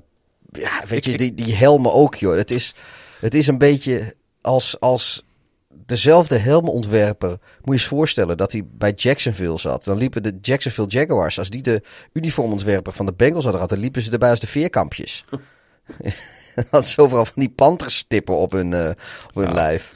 Maar goed, je- nee, die streep, ik vind het echt heel lelijk. maar ik heb eigenlijk wel genoten van deze overwinning. En ik zag die mensen daar helemaal uit hun dak gaan. En ik, ik kreeg Ja. er eigenlijk wel een goed gevoel bij. Nou, ik, ik dacht eigenlijk van, joh, als die AFC North, als alle vier teams daar goed zijn. Ik, ik, ik voorspel een beetje dat er drie teams gaan racen voor de, voor de titel. Maar stel je, stel je voor, is misschien een beetje vroeg om te zeggen dat het vijf teams worden. Inclusief alle haat en nijd die daar zit. Vijf? Eh, sorry, vier teams die voor de titel. so- so- sorry, dat het vier teams worden in plaats van drie. Dan eh, inclusief alle haat en nijd die daar zit. Ik denk dat, ja, joh, als, als, als de Bengals en de Browns en de Ravens en de Steelers met z'n vieren dat, dat ergens, zeg maar, week 15, week 16 nog steeds allemaal kans hebben op plek 1 in die divisie. Nou, ik denk dat dat wel heel leuk is voor de, voor de neutrale Ik wil kijker. zeggen, de, de, de NFL-kijker is dan grote winnaar. Want, ja, ja, eh, jij, jij hebt waarschijnlijk dan al, al, al je, tot aan je ellebogen je nagels af zitten knagen van, eh, van zenuwen. Ja, ik lig dan waarschijnlijk alweer op een van de operatietafel van het Martini ziekenhuis, omdat mijn hart het eh, half begeven heeft. Ehm, hoe dan ook, ehm, eh, uiteindelijk dus winst voor de Bengals 24-27 in Cincinnati. En Minnesota zal gelijk willen rebounden, maar dat zal niet makkelijk worden, want zij moeten nu uit naar Glendale eh, tegen de ja, uitstekend presterende Arizona Cardinals. En de Bengals die reizen af naar Soldier Field voor een ontmoeting met de Chicago Bears. En over die Chicago Bears gesproken. Nou, Zij speelden Sunday Night Football in LA tegen de Rams en verloren met 14-34. En ehm, RH die vraagt zich eh, af, Dalton en Fields, hoe nu verder? Roleren of een van de twee het volle vertrouwen geven? Nou, als iemand antwoord op die vraag kan geven, kan, kan, kan, hoe noem je dat? Ja, kan geven, dan is dat Pieter. Weet je, ik vind je moet de quarterback opstellen die het meeste kans geeft om te, om te winnen. En eh, ja, ik, ik vind dat is Justin Fields. Dat, dat denk ik. Ehm, ik, ik snap wel dat ze tegen de Rams met, met Dalton deden. Ergens kan ik daar wel inkomen. Als je ook ziet hoe, eh, hoe weinig tijd hij had om die passes te geven. Dan, dan ergens snap ik dat wel. En dan denk ik van ja, dan moet je zo'n Fields neerzetten die nog uit de pocket kan. Maar ik snap ook wel dat je een beetje wil voorkomen dat, dat je Fields nu al aanleert dat hij eigenlijk altijd de pocket uitgaat. Aan de andere kant. Of dat hij de rug al blauw heeft van de plekken van omdat hij vier, vijf keer op de grond wordt gesmeten. Ja, maar weet je wat het is? Ehm, Justin Fields die komt van Ohio State. En dat is geen knakenprogramma. Dat is een van de grootste programma's, of een van de grotere programma's in, de, in het land qua college voetbal. Die heeft in uh, een van de grootste uh, college voetbal uh, competities gespeeld. hij heeft bij Georgia gespeeld, hij heeft bij Ohio State. Die man heeft al jaren ervaring om in ieder geval op college op het allerhoogste niveau te spelen tegen de allergrootste tegenstanders. En hij heeft het altijd laten zien dat hij het kan. Het is niet zoals bijvoorbeeld een Trubisky of, of zelfs uh, Patrick Mahomes, weet je, die, die, uh, die kwam van, uh, wat is dat, Texas A&M of zo kwam hij volgens mij vandaan. maar in ieder geval niet, niet zo'n, niet een heel extreem groot programma. Mm -hmm. Dus dat je daar dan wat voorzichtiger mee doet, dat, dat snap ik ergens wel. Maar kom op man, Fields die, die, die is primetime wedstrijden, wedstrijden hoge druk. Dat is allemaal gewend. Die, die, het is misschien geen NFL, maar je maakt die jongen niet bang terug naar de wedstrijd. Want de uitslag van deze wedstrijd, ja, vond ik, die tekende zich al een beetje af tijdens die tweede paas van Matthew Stafford voor de LA Rams. Die, pa die paas die zelde, als ik het goed heb, 53 yards door de lucht. Kwam precies in de handen van uh, van, van Jefferson uh, terecht. Oh, ik zei, sorry, even op mijn homes. Ik zei Texas Tech, het is, of ik zei Texas A&M, het is Texas Tech. Texas Tech, oké. Okay. Bij deze gerectificeerd. En dat is in het, ja, want ik dacht in één keer, E&M is nog best wel een groot programma. Want dat was toch al vroeg in de wedstrijd dat die, uh, dat die paas bij, uh, bij Jefferson terecht kwam. Hij ja, viel. Van, Jefferson. Ja, Van en Jefferson, ja, hij viel. Ja. Maar zonder een aanraking kon die weer opstaan en die zes punten binnenlopen. En, en hij wordt niet, ja joh, dat, dat, en dan heb je dus, dus voormalig pro-bowler Eddie Jackson, die, uh, die gewoon niet, weet Ja. je, je, je hoeft hem, geef hem een trap onder zijn kont en het is klaar. Ja, ik, ik, ik heb daar met verbazing naar zitten kijken. Dan heb je dus eh, eh, eh, vakantie gehad. Dan heb je een off-season gehad. Dan heb je een pre-season gehad. Dan bereid je eh, deze wedstrijd tot in de puntjes voor. En op de tweede play overkomt je dit. Ja, en, en wat vooral vervelend was, vond ik, Hmm. is eh Stafford, of eh, Stafford, eh, Dalton en de Bears hadden het op zich best voor elkaar. Want hun offense is zwak. Met, weet je, of tenminste zwak, het is niet, niet denderend. De Rams is het betere team. De Rams hebben explosieve plays. Allemaal dingen die de Bears niet hebben. Wat doen de Bears vervolgens? Die, gebruiken, die, die pakken gewoon 9,5 minuut of zo van de klok af. om dat hele veld over te steken. Dan gooien ze een fucking interceptie. Ja. Maar eh, in principe doen ze het goed. Want ze houden de verdediging van de Rams op het veld. Eh, de offense houden ze van het veld. En, en op zich is dat goed. En, en wat, dan komt Stafford met de offense komt op het veld. Twee plays en scoren een touchdown. ja. Want eh, Dan, dan, dan maakt het, weet je, als je die hele wedstrijd trouwens, de Bears hebben dik verloren. Maar volgens mij hebben ze nog wel steeds, hadden ze 60 of 70 procent van time of possession was voor de Bears. ja, er waren een paar big plays. Ja. eh, waren genoeg voor de Rams in dit geval. Er was natuurlijk ook nog die big play op Cooper Cup die helemaal open stond. Ja, die, is die secondary, jongen. Weet je, als dit de Bears defense is, dan wordt het een heel lang seizoen. Dan kun je net zo Ja. goed inderdaad wel Justin Fields hele jaar op de bank houden. Want eh, dan, dan, je, dan, dan ga je weinig winnen. Want het was wel zo'n wedstrijd eh, waarvan je wist eh, dat het voor de Bears niet ging gebeuren. Maar het zat er ergens heel ver weg nog wel in. Ja, weet je, Totdat natuurlijk op een gegeven moment die clinching score kwam op Robert Woods drie minuten voor tijd. kijk, as, as is verbrande turf. Maar als Dalton die interception niet gooit, maar gewoon een touchdown. Wijze van, weet je, na al die, na al die tijd. Ja, dan, dan blijf je een beetje meedoen. Als je een beetje mee blijft wel- doen. maar dat- toen, toen Fields een Dat was ook wel een touchdown beetje, erin dat was ook wel een beetje pech, hè? Dat was natuurlijk een tipball door, eh, Ja, door David Lang. Ja, maar, maar als, kijk, als toen Fields zijn touchdown erin rende, kwamen ze daarna volgens mij op vier punten achter of, of zes punten achter. Zo, Weet je, wat, zaten ze ook weer binnen een score. Dan blijf je. Zo, en nou ja, wat we net ook hebben gezegd over de, over, over de Steelers. Ja, zolang jij binnen een score bent, kun je een wedstrijd winnen. Dan maakt het niet uit of je nou beter bent dan de tegenstander of niet. Want één, één pick six, één, één fumble recovery. Eh, of, of, of een botched punt of wat dan ook. En, en, en je bent erbij. Het was typisch zo'n achter de feiten aanlopen wedstrijd. Ja. Ehm, eh, wie wel zich liet zien bij de Bears, en dat moet eh, toch wel een klein beetje vertrouwen geven, was natuurlijk David Montgomery. Monty is back. Meer Ja. dan 100 yards tegen deze, tegen deze defensie. En een touchdown. Ook, Hij- eh, ook, ook meer dan 100 yards tegen deze defensie van achter deze O-line, weet je. Dat, Ja. eh, dat, dat verbaast me ook wel. Was ik wel dat, dat stemt dan wel weer goed. Ik, de O-line was niet zo slecht als dat ik gedacht had. Ik, eh, Dalton had wel weinig tijd, vond Ja. ik. Maar nog steeds viel het me... Je speelt tegen Ndamukong en, en Aaron Donald, hè?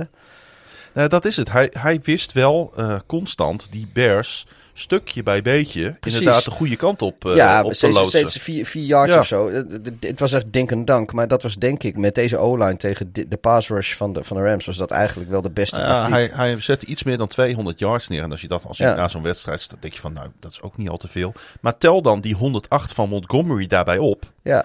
En dan heeft die aanval het eigenlijk best wel goed gedaan. En de keren dat, eh, dat hij gesekt werd... eh, dat waren diepe plays die zich moesten ontwikkelen. En dan zie je gewoon, dan, daar is de tijd niet voor. Dat, dat, dat komt niet. Over ontwikkelen gesproken, eh, eh, iemand die dat doet bij LA, dat is Sean McVay, de coach. Ja, hij heeft nu zijn eindelijk zijn quarterback. Die 5-0 is in eh, season openers. Dus hij weet ook iedere keer sterk te starten met de Rams. De Rams scoorden tijdens ehm, zes van hun eerste zeven drives. En lijken, nou ja, dat is dan de conclusie die je trekt eh, na zo'n eerste wedstrijd. Gelijk een team waar iedereen rekening mee moet houden in de NFL. Stafford leek zeer comfortabel en werd de eerste speler met twee touchdown passes van meer dan 50 yards tijdens zijn debuut voor een nieuw team. Ja, dat vind ik zo'n Amerikaanse Ja, statistiek. ik hou er wel van. Sinds Lee Grossop, eh Grosskap moet ik zeggen, dat deed voor de AFL's New York Titans in 1962. Dat is echt lang geleden. Ja. En eh Stafford's 156.1 passer rating is de hoogste in NFL history voor een quarterback die tenminste 20 pass attempts had in zijn debuut voor een nieuw team. Ja, en daar ben ik een beetje pissig van. Want geen enkele quarterback die tegen bijvoorbeeld eh, Akeem Hicks en Khalil Mack speelt... zou zo'n pass rating moeten kunnen krijgen. Maar goed, het, het is gebeurd. Het is inderdaad gebeurd. De Bears spelen zondag hun eerste thuiswedstrijd. We zeiden het net al tegen de Bengals. Uiteraard het oude team van Andy Dalton. En de Rams die reizen af naar Indianapolis voor een confrontatie met de Colts. Doe maar. Dan eh, nu eh, toch echt... eh, ja, we moeten... Eindelijk gaan we het hebben over wat leuks. Of wat leuks. De Green Bay Packers. Die, nou ja, echt leuk was nou ook niet. Want ik had liever namelijk gehad als, als kijker dat er gewoon een hele toffe pot was gespeeld. De Green Bay Packers verloren met 3-38. U hoort het goed. Bij eh, de New Orleans Saints. Ehm, die voor deze thuiswedstrijd moesten afreizen naar Jacksonville. Vanwege de naweeën van, eh, van die orkaan Ida. Aida, ja. Maar eh, ja, dat deerden ze niet. Nee, de, de Packers hadden er meer moeten mee. Maar nu las ik her en der ook wel dat Aaron Rodgers... die zou problemen hebben met, met spelen in Florida. Nou is dat nou voor gelul. Ja, dat vind ik ook. Maar hij heeft natuurlijk vorig jaar heeft hij klappen gehad, eh, eh, figuurlijk dan, van de, van de Buccaneers. En ehm, ja, verder heb ik ook geen idee. Wat dit, ik kan me ook niet voorstellen dat Aaron Rodgers een, een, aantal jaar geleden van, eh, in Florida van de Jacksonville Jaguars... Ik heb geen, weet je, ik geloof hier niet in. Ik ook niet. Als iemand zich zenuwachtig zou moeten voelen voor deze wedstrijd, zou dat niet Aaron Rodgers moeten zijn. Maar natuurlijk James Winston, die natuurlijk eh, big shoes te vullen had na het vertrek van eh, Drew Brees. Die al die jaren natuurlijk het, eh, het beeldbepalende, de beeldbepalende figuur was bij die organisatie. Maar hij, hij deed het buitengewoon, hè? Met verven. nul intercepties, wat voor, wat voor Jamies al, al bijzonder is. En vijf touchdown passes maar liefst.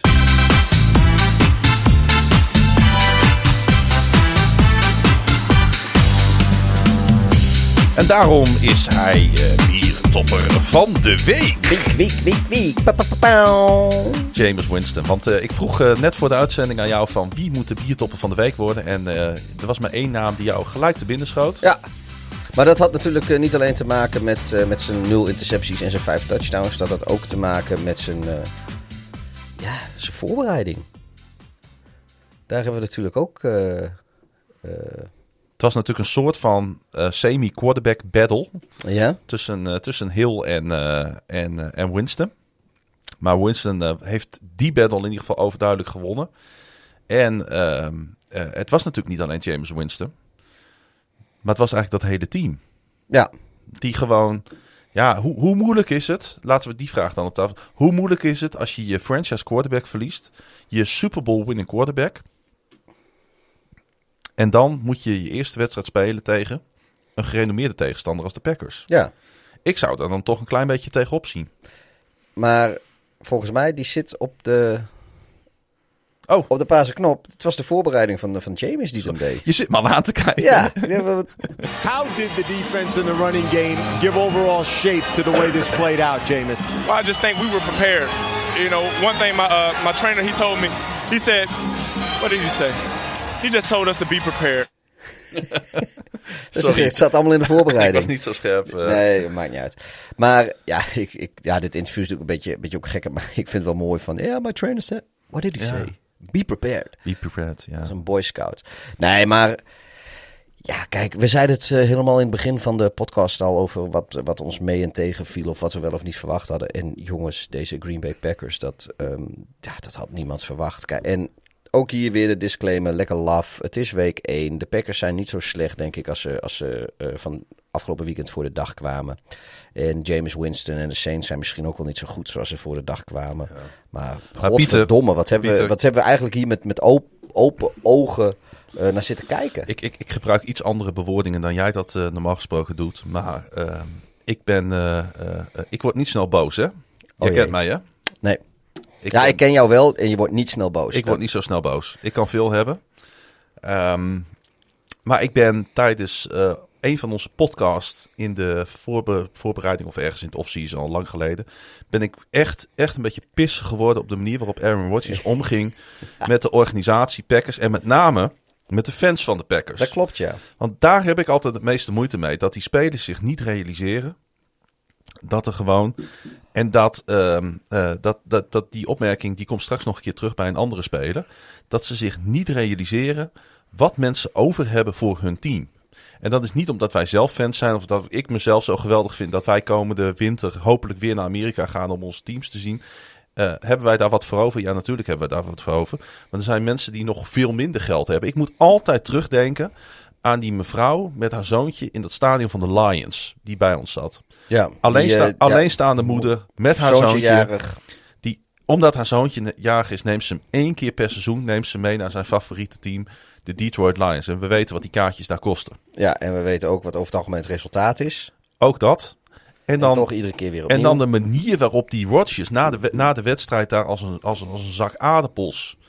Eh, eh, totaal de vragen ook van het tsunami niet serieus neemt. Ah, joh, en, en, en dan, weet je, kijk, ik, ik, Ik, vind- ik, hoe zit je daar dan als fan? Nee, maar dan heb je een heel off-season, heb je domme spellen. Weet je, je bent wezen golfen met Tom Brady. En dan kun je zeggen, Tom Brady was er ook bij. Ja, Tom Brady, die heeft gewoon van begin af aan gezegd... ik ben er volgend jaar weer, eh, Tampa. En die heeft gewoon zijn openingswedstrijd gewonnen en goed gespeeld. Ja. Ja, interceptietje zat erbij, maar goed, die heeft goed gespeeld. Aaron Rodgers, die doet ook van ja, ik ben de regerend MVP. Ik ga ook even een potje meegolven. En ik ga een beetje naar Hawaii. En ik ga een beetje suggestieve filmpjes doen. En ik doe lekker, lekker, lekker een beetje leuk mee bij de Pat McAfee show. En ik ga een beetje, beetje, beetje niks. eh, net doen of ik weg wil uit Green Bay. Wel niet, wel niet. Niks zeggen, niks zeggen. Oh, leuk hintje. Oh, kijk, hoedje bij de Kentucky Derby. Hartstikke keurig allemaal. Beetje Jeopardy presenteren. Hartstikke netjes. En nu ziet hij eruit als een fucking zwerver die nog in dubbeltje zou geven. Maar hij speelt gewoon als kont. Als hij nou gewoon, als hij vijf touchdowns had gegooid en nul intercepties, dan zoiets van oké, Aaron Rodgers is terug. En dan, dan is alles wat hij heeft gedaan off-season vergeven. Maar ja, wat ik zeg, hij, hij zijn passing. Nou, ik wilde wel wat tegenover zetten. De manier waarop eh, Aaron Rodgers mij daar het bloed onder de nagels vandaan had. Terwijl ik niets met de Packers heb. Ik heb sowieso weinig met NFC-teams. Omdat ik natuurlijk een AFC-man ben. Dat, dat, dat wordt bepaald door het team waar je voor bent. Maar deze... Ik, ik heb in principe heb ik geen hekel aan de Packers. Ik, heb, ik vind dat ze in een geweldig stadion spelen. Ik vind dat ze een geweldige geschiedenis hebben. Ik vind dat uh, de manier waarop die franchise gedragen wordt door dat plaatsje, dat heeft wel wat als je dat uh, uh, sportkundig, sportgeschiedkundig bekijkt. Een beetje RKC. Nou ja, nee, nee, nee, het, nee, nee, nee, het, het, het, het, het, het, team heeft echt wel uitstraling. Ja. Het hoort bij, bij, die, bij, die, bij die Big Five, hè, die teams die ooit de NFL begonnen zijn en nooit verhuisd zijn. En hoe kan het dan dat deze man, ondanks wat hij allemaal gepresteerd heeft, ook door wat hij niet gepresteerd heeft, maar vooral ook wel, dat hij toch het bloed bij mij onder de nagels vandaan had? En ik wilde wat tegenover zetten. Namelijk linebacker en aanvoerder uh, de Mario Davis van de New Orleans Saints, die de orkaan gebruikte als inspiratie voor, uh, voor de Saints.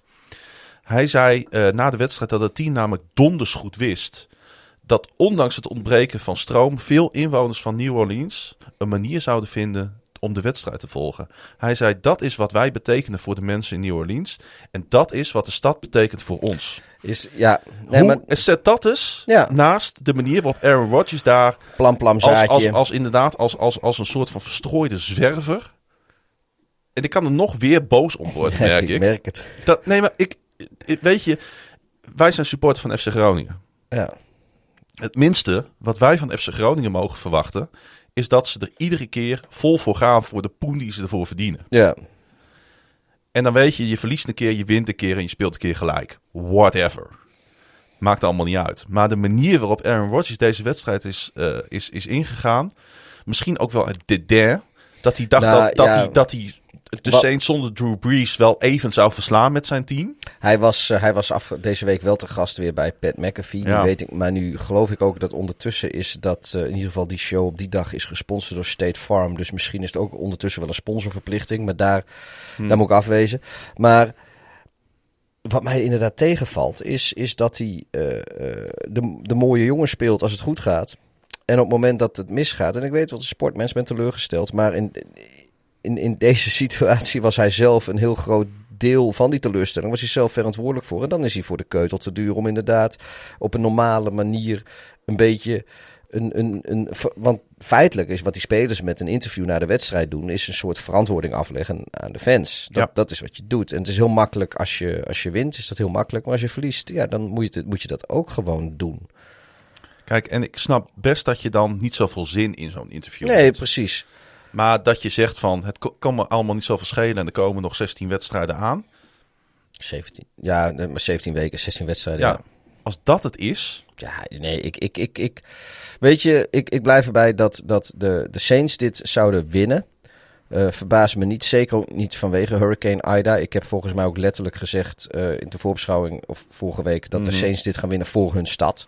Want na Katrina hadden ze ook zo'n onwaarschijnlijke drive in één keer om, eh, daar komt het alles in één keer samen. nou ja, goed. Ik het, vind het, dat, leeft, eh, het leeft daar wel ik vind enorm. dat wel mooi. Ik ben, ik ben één keer in New Orleans geweest bij, eh, bij de Saints. Ja. Het, het, het, leeft, het leeft daar echt, weet je. Die, die stad heeft ook niet zoveel... Ja, de Pelicans, maar... het, het, weet je, het, het, het, het is verschrikkelijk groot. LSU en, en, en de Saints. Dat is allebei verschrikkelijk belangrijk daar. Ja. En ja, dat, dat contrast dan. Ik bedoel, in Green Bay laten we niet doen alsof Green Bay... alsof die niet meeleven met de Packers. En of dat, tuurlijk man, dat, dat, dat is ook hartstikke... ja, zeer zelfs. ja, en op de een of andere manier. Ja, ik, ik, ik, ik had niet het idee dat ze. Dat, ik miste urgentie. Ja, ik ook. Ehm, maar laten we ook de eer geven aan wie eer toekomt. We zeiden het al even, Winston. Hij voerde in zijn laatste seizoen als starter bij de Tampa Bay Buccaneers in 2019 de league nog aan met 30 intercepties. Op, volgens mij ook 30 touchdowns, geloof ik, zoiets. Of Ja, 29 touchdowns of 31. iets meer was dan om, en- 30, om en nabij de eh, 1 op 1 liep zo'n beetje.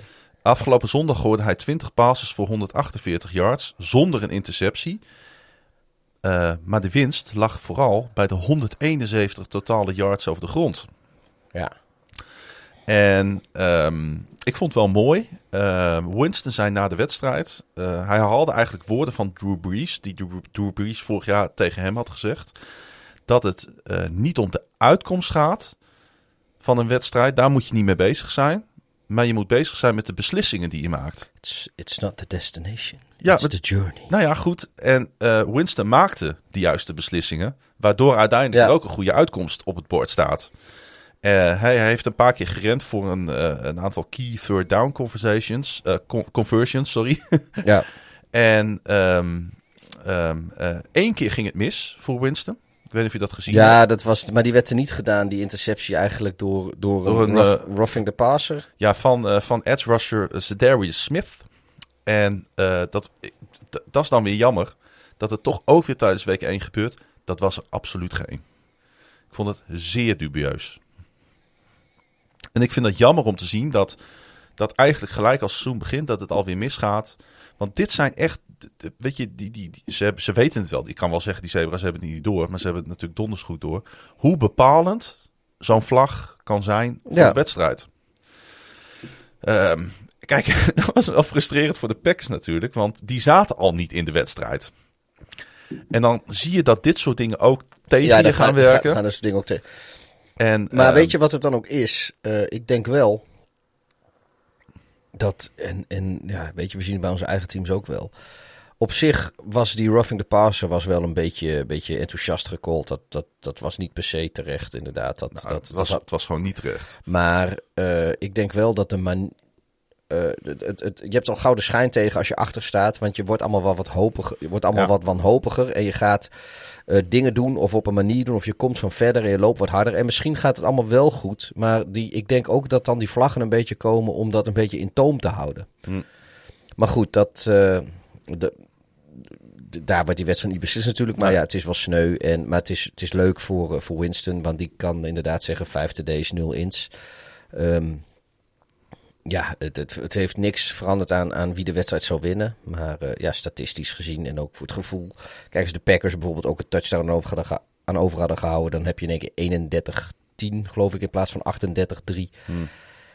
Ja, het is, voel je nog steeds niet beter, maar het voelt toch iets minder vernederend. Ehm, wat ik verder opvallend vond, is dat er eh, meer Packers-fans in het stadion zaten dan Saints-fans. Ja, nou ja, goed. eh, Packers-fans zijn van overal. Ja, re- ik weet, ja, die reizen misschien ook wat, maar die, maar die zitten overal. Saints-fans zijn wat lokaler. En ja, de meeste Saints-fans die hadden ook wel wat beters te doen dan reizen. maar het gevolg was eh, dat dus Het dat stadion leeg liep. Ja, Dat daar op het moment dat dus de, de overwinning te vieren viel, dat daar nou volgens mij nog 10.000 mensen in dat gigant, want dat is een stadion Ja. daar in Jacksonville. Ja. In dat gigant, er was een beetje een treurige ambiance. Eigenlijk verdienden de, de Saints daar een, eh, een, een, een, een uitgelaten superdome. Maar goed, als, dat, eh, als het, die wedstrijd daar was gespeeld, was het misschien niet zo gelopen. Je, ja of, of misschien ook wel. Ik, ja, ja, nee, weten we. Het is allemaal... eh, En ehm, het was niet alleen maar Hosanna bij de Saints. Want eh, vandaag werd bekend dat liefst acht medewerkers van de Saints-organisatie positief zijn getest op eh, COVID-19. Het lijkt te gaan om zes offensive coaches, coaches, één speler en één voedingsdeskundige. En de Saints plaatsten ook wide receiver Michael Thomas op de reserve COVID list. Maar hij stond toch al op de physically unable to perform list. Dus eh, dat was niet zo erg. Ehm, de regels zijn gelijk flink verzwaard bij de Saints. Iedereen moet weer mondmaskers dragen. Er wordt dagelijks getest. Er zijn geen in-person meetings. En alle maaltijden zijn grab and go. Dus de voorbereiding van de Saints op week 2 verloopt in ieder geval verre van optimaal. En dan mogen ze ook al niet, eh, kunnen ze niet trainen eh, op hun eigen faciliteiten. Want zij trainen op dit moment in Fort Worth. Fort Worth. Oh, dat is... dat Texas, dat is bij Dallas. Bij Dallas, ja. eh, bij, bij TCU. Ehm, en ondanks dat ja, zijn ze natuurlijk het seizoen wel gewoon goed begonnen.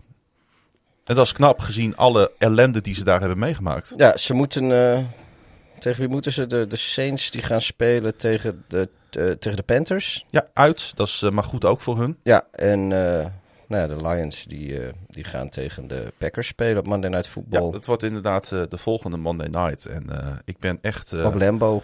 heel erg benieuwd wat de Lions daar kunnen neerzetten. Want over wedstrijden gesproken.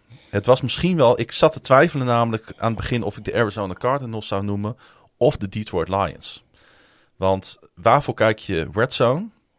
Voor dit soort potten. Ja, nee, dat, dat, ook hier, ja, weet je, dat ik... Voor de goede orde, we hebben het over de San Francisco De 49ers 49ers bij de Detroit Lions. bij de Lions. 41-33. Het zat, er, eh, het zat er tot het einde toe. Uit, uit, het leek er heel lang niet in te zitten. Uiteindelijk kwa- lieten de Niners lieten de Lions eh, heel erg terugkomen. Ja, ik, ik denk wel dat het een beetje geflatteerd is eh, eh, bij de Niners. Op een gegeven moment vlogen de spelers ook weer in, in postjes. Werden ze de brancard, eh, op de brancard van het veld afgedragen. Die hebben volgens mij nog iets van drie blessures weer opgelopen. In het Ja. laatste, laatste deel van die wedstrijd. Die eigenlijk al beslist was.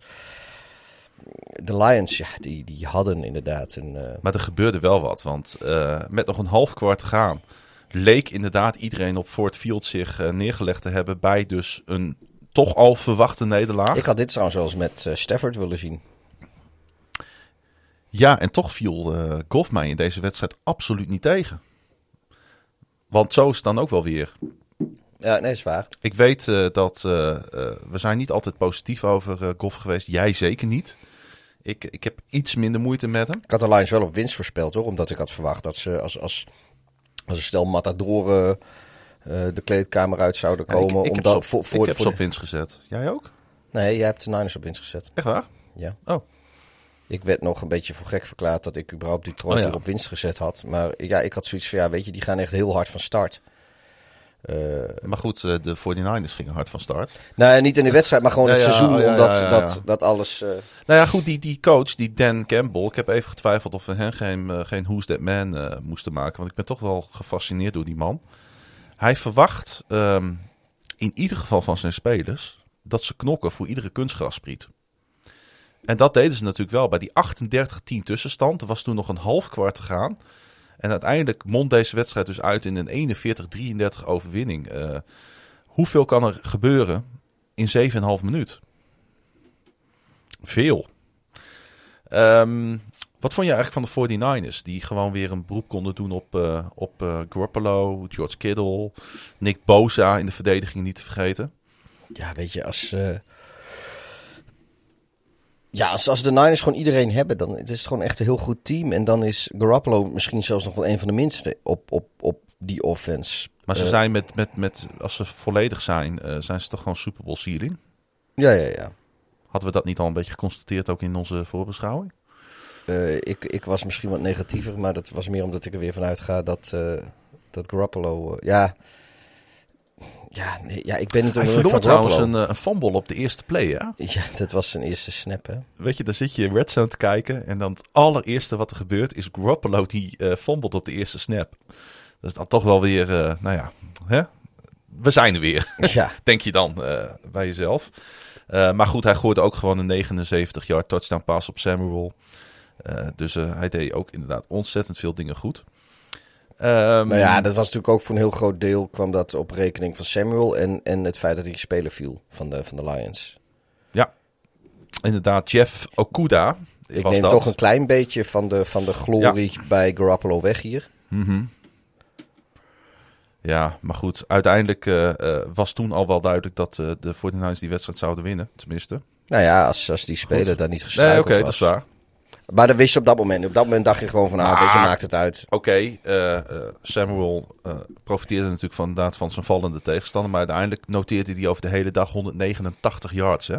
Ja, maar daar zaten dus eh 80 van waren deze zo'n beetje. Ja. Dus anders was het 109 geweest. Dus stel dat hij... Nou, dat zijn nog steeds goede cijfers. ja, dat klopt, dat klopt. Maar ik moet zeggen, hij verloor in het vierde kwart ook een fumble. Ehm, wat helemaal paste natuurlijk in dat vierde kwart. Ehm was ook slecht nieuws voor de 49ers. Want Raheem Mostert, die in deze wedstrijd meer dan 100 yards bij elkaar sprokkelde... komt het hele seizoen niet meer in actie. Zo ernstig is de knieblessure die hij opliep. Ja. is toch wel zo'n, ik denk, ja, veelal geliefde speler, Mostert. ja, het is een, een underdog, hè? Underdog, je, niemand, eh, je kan geen hekel aan hem hebben. Aardige gozer ook. En eh, de 49ers die tekenden dinsdag gelijk eh Carrion Johnson op de practice squad. En hij voegt zich bij een running back. Voormalig. Lion. Klopt. Eh, met, eh, hij voegt zich bij de rookies Elijah Mitchell en Trey Sermon. En dus tweedejaars Michael Hasty. En dat is nu de running back room van de 49ers. En ik denk dat die wel even pijn gaat doen. Ja, Ja, ik was wel onder de indruk eigenlijk van, eh, van Goff. En ik, eh, ik, eh, ik had eigenlijk veel minder van de Lions verwacht. Dus het geeft toch een beetje hoop voor de toekomst. was die Hawkinson goed, hè? Ja, ja inderdaad. Ving acht ballen voor 97 yards. Ja, dat is zijn meest betrouwbare receiver. Zo Ja. simpel is het gewoon. De 49ers spelen zondag een uitwedstrijd tegen de Philadelphia Eagles. En de Lions gaan dus naar de toendra van Green Bay. Next one. Ja, ik, eh, ik ben er klaar voor. Zeg het maar. De, Welke wil je eruit pikken? de Seattle Seahawks gaan we doen. Die gingen op bezoek bij de Indianapolis Colts. Ja, en eh, daarmee kunnen we ook eh, constateren dat, ehm, eh, net als de Cardinals, die gaan we zo natuurlijk nog bespreken, dat alle teams in de NFC West eh, hun eerste wedstrijd wonnen. Ja, zoals alle teams in de NFC North die verloren. Ja, Zoals in de intro de scherpe luisteraar had gehoord toen ik zei dat de Packers gedeeld eerste stonden. ehm, ik was onder de indruk van Russell Wilson. Ehm, ja, ik snap dat je dat zegt. Ik was alleen niet zozeer onder de indruk, want eigenlijk was Wilson weer gewoon Wilson zoals we hem kennen. De let Russell Cook Wilson. Ja, maar goed, daar is natuurlijk ook wel wat gebeurd. Eh, al dan niet. Ja, maar dat ging dus zo kalm en rustig. Juist. En die heeft gewoon gezegd van, joh luister, ik wil dit en dit. En als dat niet gebeurt, nou ja, dan wil ik misschien wel weg. En dan is, wat was het, de Raiders en de Saints en de Bears en de nog een team waar die heen wilde. Ik weet zo snel niet meer. Er waren Mhm. vier teams eh, waar, het om ging. De Niner, Niners kon wel eens een van die teams geweest zijn. Weet ik ook niet meer. Maar... ehm, nou ja, er schijnt dus ook, er is even gesproken.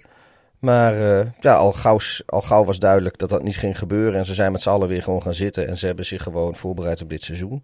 Maar dat is volgens mij ook het verschil.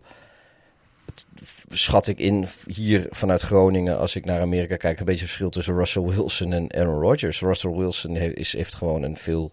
Ja, ik denk dat hij zichzelf niet zo interessant vindt. Of niet, niet zo belangrijk vindt. Die, die is wat, eh, wat pragmatischer misschien. Nee, maar goed, eh, net als de Packers eh, is de Colts uit. Natuurlijk ook helemaal op papier geen makkelijke wedstrijd om, om mee te beginnen.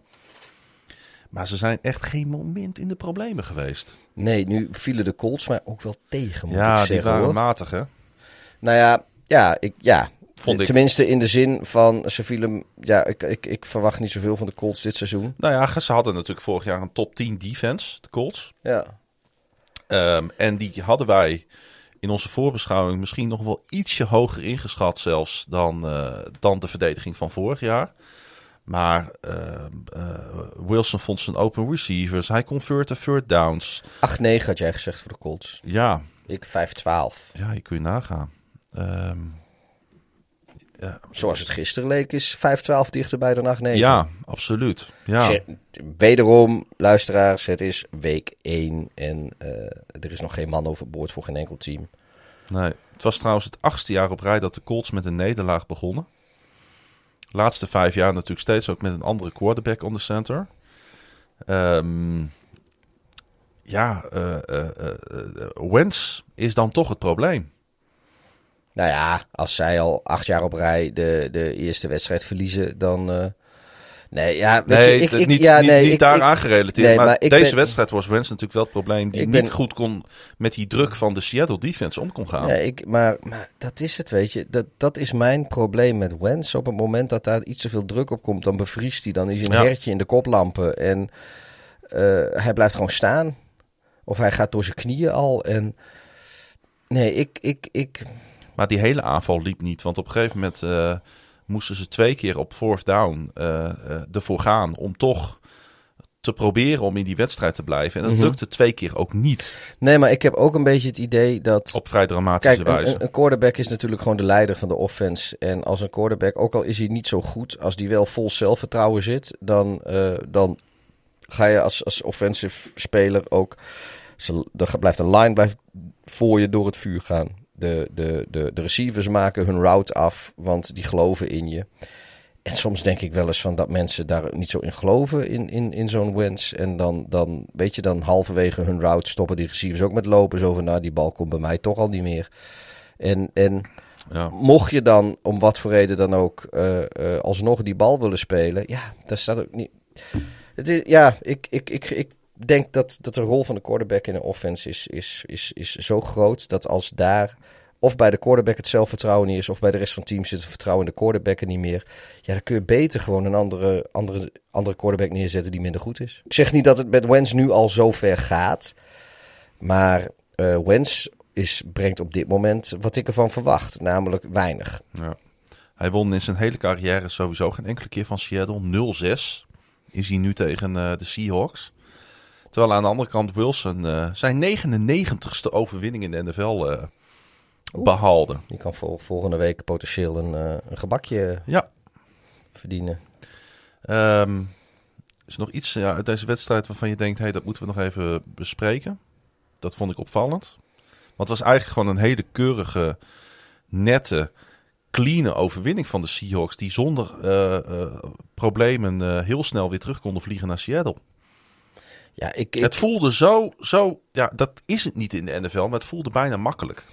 Ja, en weet je, de, de teams, de, zowel de, de, de, de Seahawks als de, als de Colts, die ben ik bang gaan een beetje door zoals het seizoen begonnen zijn. Want de, de Seahawks die mogen het eh, tegen de Tennessee Titans doen. Nou ja, eh, wat we daar tot nu toe van gezien hebben, zou dit voor de Seahawks een kat in bakje moeten zijn. Ja, dat denk ik ook. En dan gaan de Colts, die, die moeten met de Los Angeles, Ram een pot, Los Angeles Rams Zo. een potje gaan sparren. Nou ja, volgens mij krijgen die echt gewoon billenkoek eh, van heb ik jou daar Ja. als wat wij van deze vier teams in week 1 gezien hebben representatief is. Het zal toch gebeuren dat, dat de Texans na twee weken op 2-0 staan en de rest op 0-2.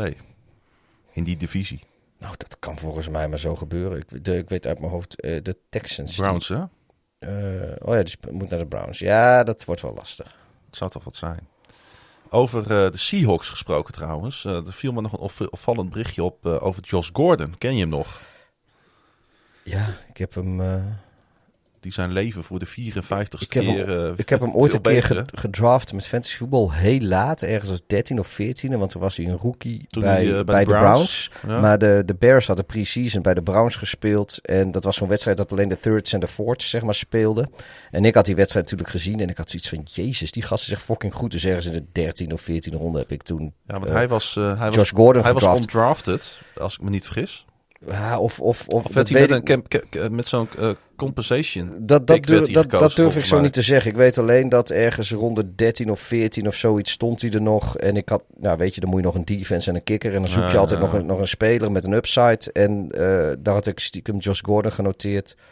En eh, die werd al vrij snel mijn startende eh, receiver. En dat heeft mij eh, heel veel punten opgeleverd. Ja, En dat was ook de laatste keer volgens mij dat Josh Gordon echt een heel seizoen lang Ja. goed was. Zijn debuutseizoen. ja, toen was hij zelfs de leading wide receiver in de, in de league, als ik me niet vergis dat jaar. Ik weet niet of het aan het eind van het seizoen nog steeds zo was. Maar, op, maar het was wel structureel eh, 25 plus fantasy punten. Dat weet ik nog wel. En, en dan hadden ze daar ook eh, eh, een graftakkenvuilnisbak van quarterbackerij. Normaal gesproken in Cleveland. Nou ja, Roger Goodell, de NFL-commissioner, die gaat hem eh, waarschijnlijk weer eh, re-installeren. Zoals dat re-installment heet dat volgens mij.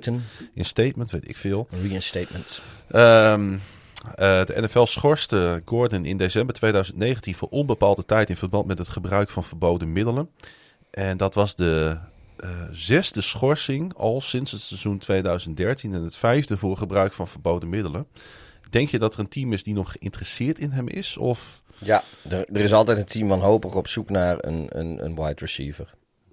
Ja. Nou, we hebben het net over een team gehad wat we alleen kan gebruiken. De Indianapolis Colts. Nou ja, T.Y. Hilton is kapot. Ja. Weet je, als daar de, de, de touchdowns door Zach Pascal eh, gevangen moeten worden, dan kunnen ze Josh Gordon er wel bij gebruiken. Ja. Hoe dan ook, hij keert, hij keert dus waarschijnlijk ergens terug. We gaan het in de gaten houden. De Arizona Cardinals wonnen dus ook van, inderdaad, de Tennessee Titans. En ehm, misschien wel een interessante vraag om die wedstrijd even in te leiden. Is de vraag van Herman, die zegt: In hoeverre denken jullie dat de huidige opzet van preseason de juiste is? Ik heb een paar wedstrijden gezien waar geen routine en chemie is tussen spelers. Heeft het wel zin preseason te spelen zonder starters? Bijvoorbeeld de miscues tussen Tannehill en Jones. De Titans hadden dan ook kunnen zien dat Lewin nog niet wedstrijdfit is. Ja, ik de- weet niet of dat te maken heeft met de opzet van preseason. Want het is natuurlijk gewoon aan de team zelf. Als die drie wedstrijden in preseason met hun starters willen spelen, dan kan dat gewoon. Hè? Ehm, in, maar ze gebruiken die wedstrijd natuurlijk vooral om, eh, om, tot- spelers die ze niet zo vaak zien. Om, tot een 53 man roster om, te om komen. die te zien. Maar dat je eh, eh, anderhalf, misschien wel twee kwart of in elk geval één kwart met je starters gaat spelen ergens. En dat was vroeger altijd week drie. Nou, dat is nu week twee volgens mij geworden. Eh, Verschilt een beetje per team, ja. ja, maar dat, eh, dat lijkt mij. eh, ja, weet je, dat, dat, dat, dat, lijkt mij genoeg hoor. En Maar over de miscues, eh, daar heeft hij natuurlijk gewoon een punt. ja, ja, ja, maar of dat komt door de, door de opzet van preseason, dat betwijfel ik. Ja. Ehm zometeen even nog eh, inzoomen inderdaad op, eh, op de dramatische prestatie van de Titans. Maar als dit de Kyler Murray eh, wordt, dan mag de league eh, denk ik haar borst nat maken, Pieter. En dan staat er ook nog eens een defense met die grandioze Chandler Jones. Die nog maar eens duidelijk maakte, denk ik, waarom Arizona haast moet gaan maken met een nieuw vet contract voor hem. Ja, ze hadden daar eerder mee. Want wat het is. Ja. eh, Dat was deze wedstrijd in ieder geval zo. Eh, eh, J.J. Watt werd eigenlijk de hele. Als, als hij er stond. ja, als, als daar de double teams naartoe gaan. Mhm. dan heeft Jones in één keer de ruimte. Nu gaat er een moment komen, denk ik, dat ze Chandler Jones gaan double teamen. En eh, dan kan ik u nog vast voorspellen wie er dan gaat profiteren. Weet je nog dat ik dat zei toen in die podcast dat Ward naar de Cardinals ging? Dat ik zei, ik kan niet wachten om Jones en Ward naast elkaar te zien staan Ja. in, dat, in dat mooie rood van de Cardinals. Ja, precies. Maar dat het is nu een beetje wat gaat gebeuren. En, eh, of wat er aan het gebeuren is. Maar eigenlijk had ik, ik, ik weet niet. Want ik denk wel, het zou maar zo het laatste jaar van wat kunnen zijn. Dat is denk ik niet onrealistisch om te zeggen. Eh, kan ook nog twee jaar zijn hoor. Maar goed, eh, eh, dat soort spelers die kunnen ook zo in één keer van een cliff afgaan. voor wat betreft niveau. Dat kan zelfs in dit seizoen nog gebeuren. Ja. Oh, Eigenlijk had je, eigenlijk had je die Jones natuurlijk al een contract moeten geven. Precies. Zoals ze met Ward in Pittsburgh hebben gedaan. Met TJ Watt, ja. Die, die, die daar dikke dollars heeft gekregen. Hadden Maar ja, aan de andere kant, misschien heeft hij er zelf wel voor bedankt. Dat hij zoiets heeft van, nou weet je, als de double teams naar JJ gaan, dan ga ik mezelf even laten zien. En dan eh, gaan we volgend jaar wel even kijken, jongen. Betaal mijn marktwaarde Ja. en anders uh, treed me maar of ga ik ergens anders. Murray scoorde vijf touchdowns en Jones produceerde een career high. eh, vijf sacks in een ja, toch wel dominante overwinning van de Cardinals in Nashville. Uiteindelijk 38-13. Bijna net zo'n grote overwinning als de Saints. Ja. Ehm, Jones, want ik wil toch nog even op die, bij die ja, fenomenale prestatie stilstaan. Eh, even nader het franchise record. En dat is knap bij een franchise die al zo lang bestaat. Noteerde Charter member van de, van de NFL. eh, Precies. Noteerde in het eerste kwart al drie sacks. En LeBron James had het op Twitter al over de Defensive Player of the Year. ja. ja, LeBron moet een beetje mond houden. Jones eh, forceerde ook nog eens twee fumbles die de Cardinals omzetten in 14 punten. En Cardinals safety Buda Baker, de tweede ronde pick uit 2018. En nu al drievoudig Pro Bowler. Want eh, er loopt daar nog wel wat meer rond bij de Cardinals. Ja, ze hebben geen, eh, geen, geen, geen kinderachtige verdediging. Nee, en ze hebben daar goed gebouwd, ook vind Ja, ik. En ja. een mooie mix tussen talent en, en toch dan die veteranen. Maar hij sprak in ieder geval over een epische wedstrijd van zijn collega. Eentje die niet snel vergeten zal worden. En dat is gewoon terecht eh, dat hij daar op die manier eh, op reflecteert. Ehm, ja, die pass defense van de Titans, eh, Pieter. die was er niet. Er, er was eigenlijk bij de Titans bijna niks. Nee. De, de, de, er was geen. ja, de D-line, zeg maar. Dus de, de pass rush, ja, nee, die was er niet. Maar goed, dat wisten we De- al een de- klein beetje natuurlijk. De, de secondary was er ook niet eh, zoals, we, zoals we dat hopen. En aanvallend was natuurlijk ook mager, weet je. Die, Nou ja, vorig jaar hadden ze natuurlijk een van de beste offenses in de league. Eh, mede natuurlijk door Derrick Henry, de AP NFL Offensive Player of the Year. de Associated Press. Precies. Eh, sorry, ik moet zal. eh, Ja, dat, jij hebt gelijk. Ik moet niet zomaar afkortingen gebruiken. Ehm, en die aanval werd tijdens offseason natuurlijk ook nog eens versterkt met Julio Jones. Ehm, Ja, daar, maar die klik was er niet. Daar was ook was Nee. zelfs wat. Ja, en daar maken ze dan ook wel weer heel veel van. Want ik geloof. eh, eh, Julio Jones die had iets gedaan. En daarvan een ten, eh, iets, iets, iets wat een penalty opleverde. Ik weet niet eens meer precies wat. Een sportsmanlike conduct of zo. Of taunting of, of, of whatever. hmm. En ehm, daarvan had Tannehill gezegd... Zoiets, moet, zoiets moeten spelers niet doen. Weet je, gewoon en terecht. En daar werd dan weer opgeblazen als van dat Tannehill het Julio Jones persoonlijk kwalijk nam dat dat gedaan was. Dan denk ik ook weer, jongens, eh, eh, doe ze allemaal maar rustig. Het is week 1. Ehm, Jones is wel vrij vroeg in de voorbereiding al eh, richting Nashville gegaan. Ik had wel verwacht dat er iets, iets meer, beter ingespeeld zouden zijn op elkaar. ja. Maar laten we, ik, ik, ik denk niet dat Tannehill in één keer weer de Dolphins Tannehill is. Ik denk niet dat Julio Jones in één keer vergeten is hoe die wide receiver moet zijn. Nee, en Julio Jones wou ook naar de Titans. Ik denk, ja, ik denk dat dit. eh, dit is echt zo'n wedstrijd uithuilen en opnieuw beginnen. Ik, ik denk, met alle respect voor de, voor, de, voor de Cardinals, ik denk niet dat dit representatief is voor zowel de Cardinals als voor de, voor de Titans. De Titans zijn niet zo slecht als deze wedstrijd ze laat lijken. Nee. Ik denk dat de Cardinals niet zo goed zijn als deze wedstrijd ze laat lijken. Ik denk dat het eh, voor beide. eh, het was voor beide wedstrijden een perfect storm. En voor de ene in de positieve zin en voor de andere in de negatieve zin. Dat is. Ja, is een be- beetje net als eh, de, de Saints en de Packers. Ja. Een beetje een perfecte storm voor beide teams. De ene negatief, de ander positief. Maar uiteindelijk zullen ze heus kwalitatief wel weer iets dichter bij elkaar liggen dan dat het leek. Herman die had het al even over eh, Taylor eh, Lewin, de left tackle. We zeggen het vaak in deze podcast. Left tackle, een van de belangrijkste posities op het veld. Die na de wedstrijd niet met de pers praatte, maar op Twitter liet weten dat hij iedereen gigantisch in de steek heeft gelaten. En hij bedankte Jones, niet Julio, voor de goede orde, dat hij hem op deze manier geëxposed exposed had. hij beloofde ik heb dat ook, verbetering. ja, heb ik ook gelezen. Ja, dat vond ik wel een opvallende tweet. eh. maar goed, eh, een beetje, beetje, beetje zelfmedelijden ook. Hè? Dat zwelgen in, eh, in van, oh, wat heb ik het ongelooflijk slecht gedaan. En ja, een beetje, beetje manisch lijkt dat dan wel, hè? Maar jongens, wat een dag voor Arizona. Trouwens, Murray werd eh, de eerste Cardinals speler met vier touchdown passes en een rushing touchdown in één wedstrijd sinds Charlie Johnson in 1962. Toen de Cardinals nog in eh, St. Louis speelden. Ja, dat is eh, samen met het honkbalteam. En Jones voegde zich, klopt, ook lastig, want wist je nooit over welk Cardinals je het had natuurlijk. Jones werd de 17e speler in NFL history met 100 sacks in zijn eerste 10 seizoenen. En daar had hij drie voor nodig. En hij evenaarde dus het franchise eh, record neergezet door Hazen Reddick. Dat is natuurlijk nog niet zo heel lang geleden.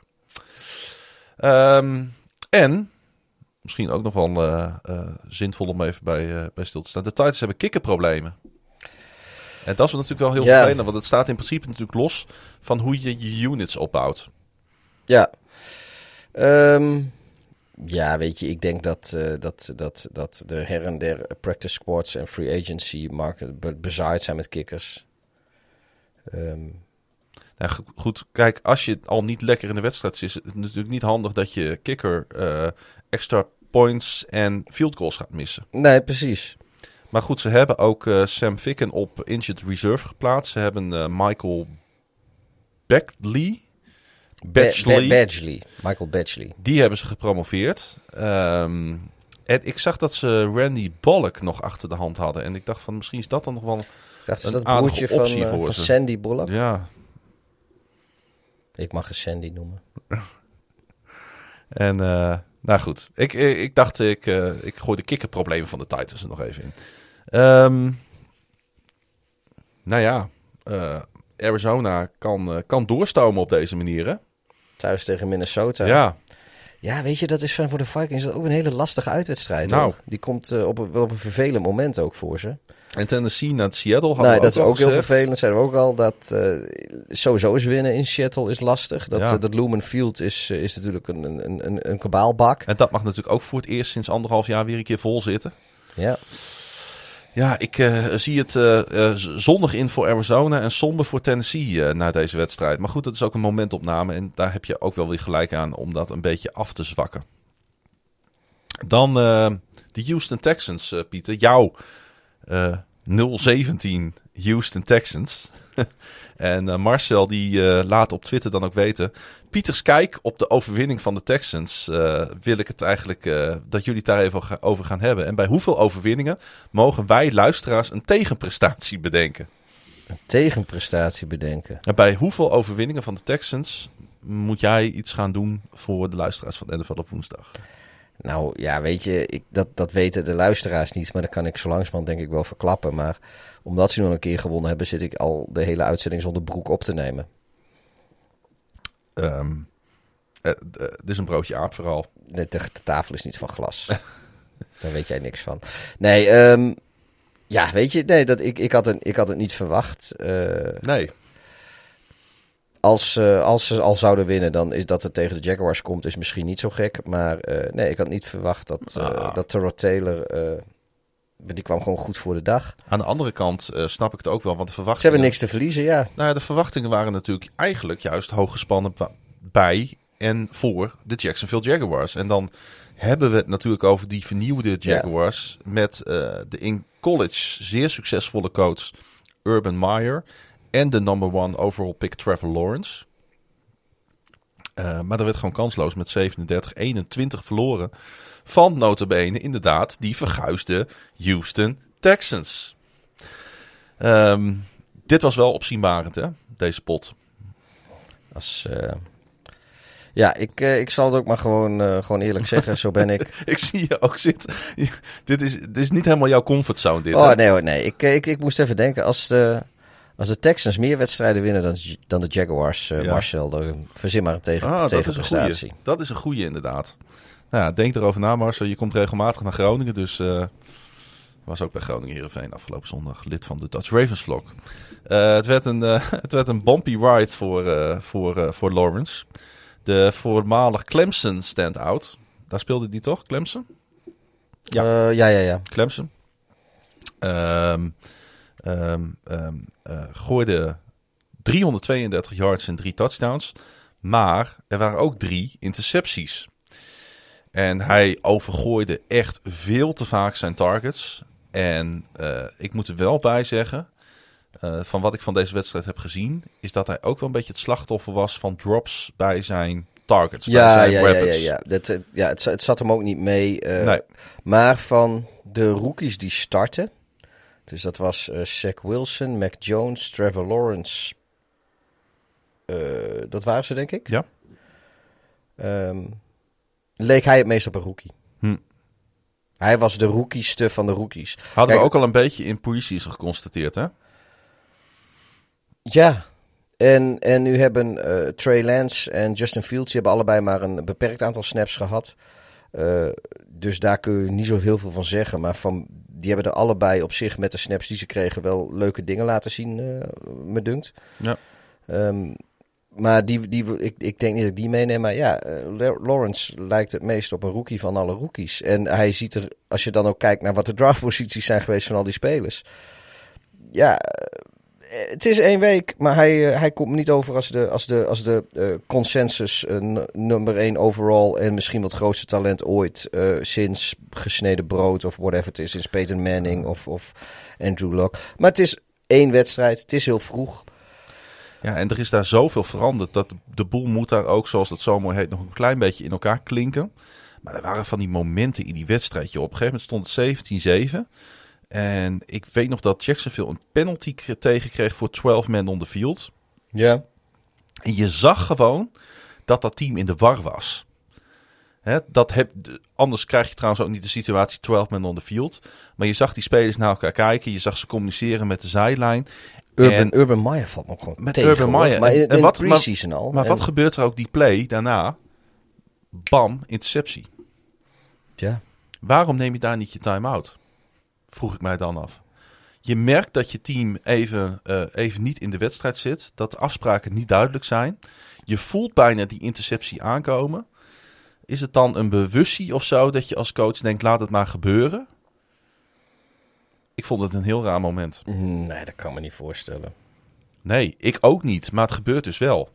Ik, ik, ja, ik, ik En als, wij, als, als ik met vier, vijf man hier op de bank zit te kijken naar dat moment en iedereen zegt van neem nou een time-out, want dit komt niet goed. Je ziet gewoon dat ze niet goed staan. Je ziet dat de tegenstander doorheeft van, oh wacht even, die zijn in de war. Dit is ons moment. Weet je nog de, de, weet je nog de down and distance? Dat het was? Van die interceptie. Uh, ik weet wel dat uh, uh, Vernon Hargreaves... als, het iets van, als, het iets van second down of zo was, kun je, kun je altijd nog zeggen, fuck, ik spike hem. Als je er geen time-out wil nemen, ja, spike dat had ik ook de bal. gekund. Nee, dat was het niet. Het was... Het was maar als het third, third volgens down mij, volgens mij was het een... third- nee, het was wel een second down. En de tegenstander, dat was Hargreaves, die rende de bal terug naar de Jacksonville 7. Ja, ik, ik had... eh, na die ja. interceptie. Maar goed, weet En je, dat- daar, dat daar was ben je ook dan misschien rookie Nou, voor. dat was ook het moment dat die wedstrijd namelijk over en uit was. Want het stond 17-7. Ja, In die drive hadden de Jaguars 14-7 dit- op 14-17 kunnen maken. Ja, kunnen komen. ja. Wat gebeurt er? Interceptie, bal wordt teruggerend. Touchdown voor de tegenstander, wedstrijd klaar. 24-7 in plaats, Precies. van, in plaats van 17. Ja, is heel verschil. Nee, je hebt, je hebt gelijk. En kijk, nu, nu, nu moet ik eerlijk zeggen, dit moment staat mij niet zo helder voor de geest als jij hem voor de geest hebt. Eh, maar ja, als je dan een quarterback bent met Gochme en die timeout komt. Ten eerste kan een quarterback zelf om een timeout vragen. Die kan ook gewoon eh, Ja. het timeout symbool doen. Nou, dat, mag die. dat, dat zit nog niet in deze jongen dus. Maar hij had hem ook kunnen spiken. Ja. En dan had je een down gekost. Maar dan had je in ieder geval, wat is het, weer 40 extra seconden gehad of zo op de speelklok. De Texans, want eh, laten we het daar ook nog even over hebben, daarentegen hebben na een offseason vol ellende en intriges, ik denk de beste start die een franchise in nood zich maar kan wensen. Ja, ja het, het, het voordeel is wel dat iedereen gaat ervan uit, inclusief ik, dat, eh, dat ze toch gaan verliezen. Eh, je hebt niks te verliezen. Je kan gewoon vrijuit spelen. Het, he- het, het blijft het hele seizoen zo. Ja, ik heb die David Colley een beetje langs En, de zijlijn. ja, en eh, die rest van de divisie, dat is ook gewoon echt bagger. brand, brandhout, brandhout. Ja, man.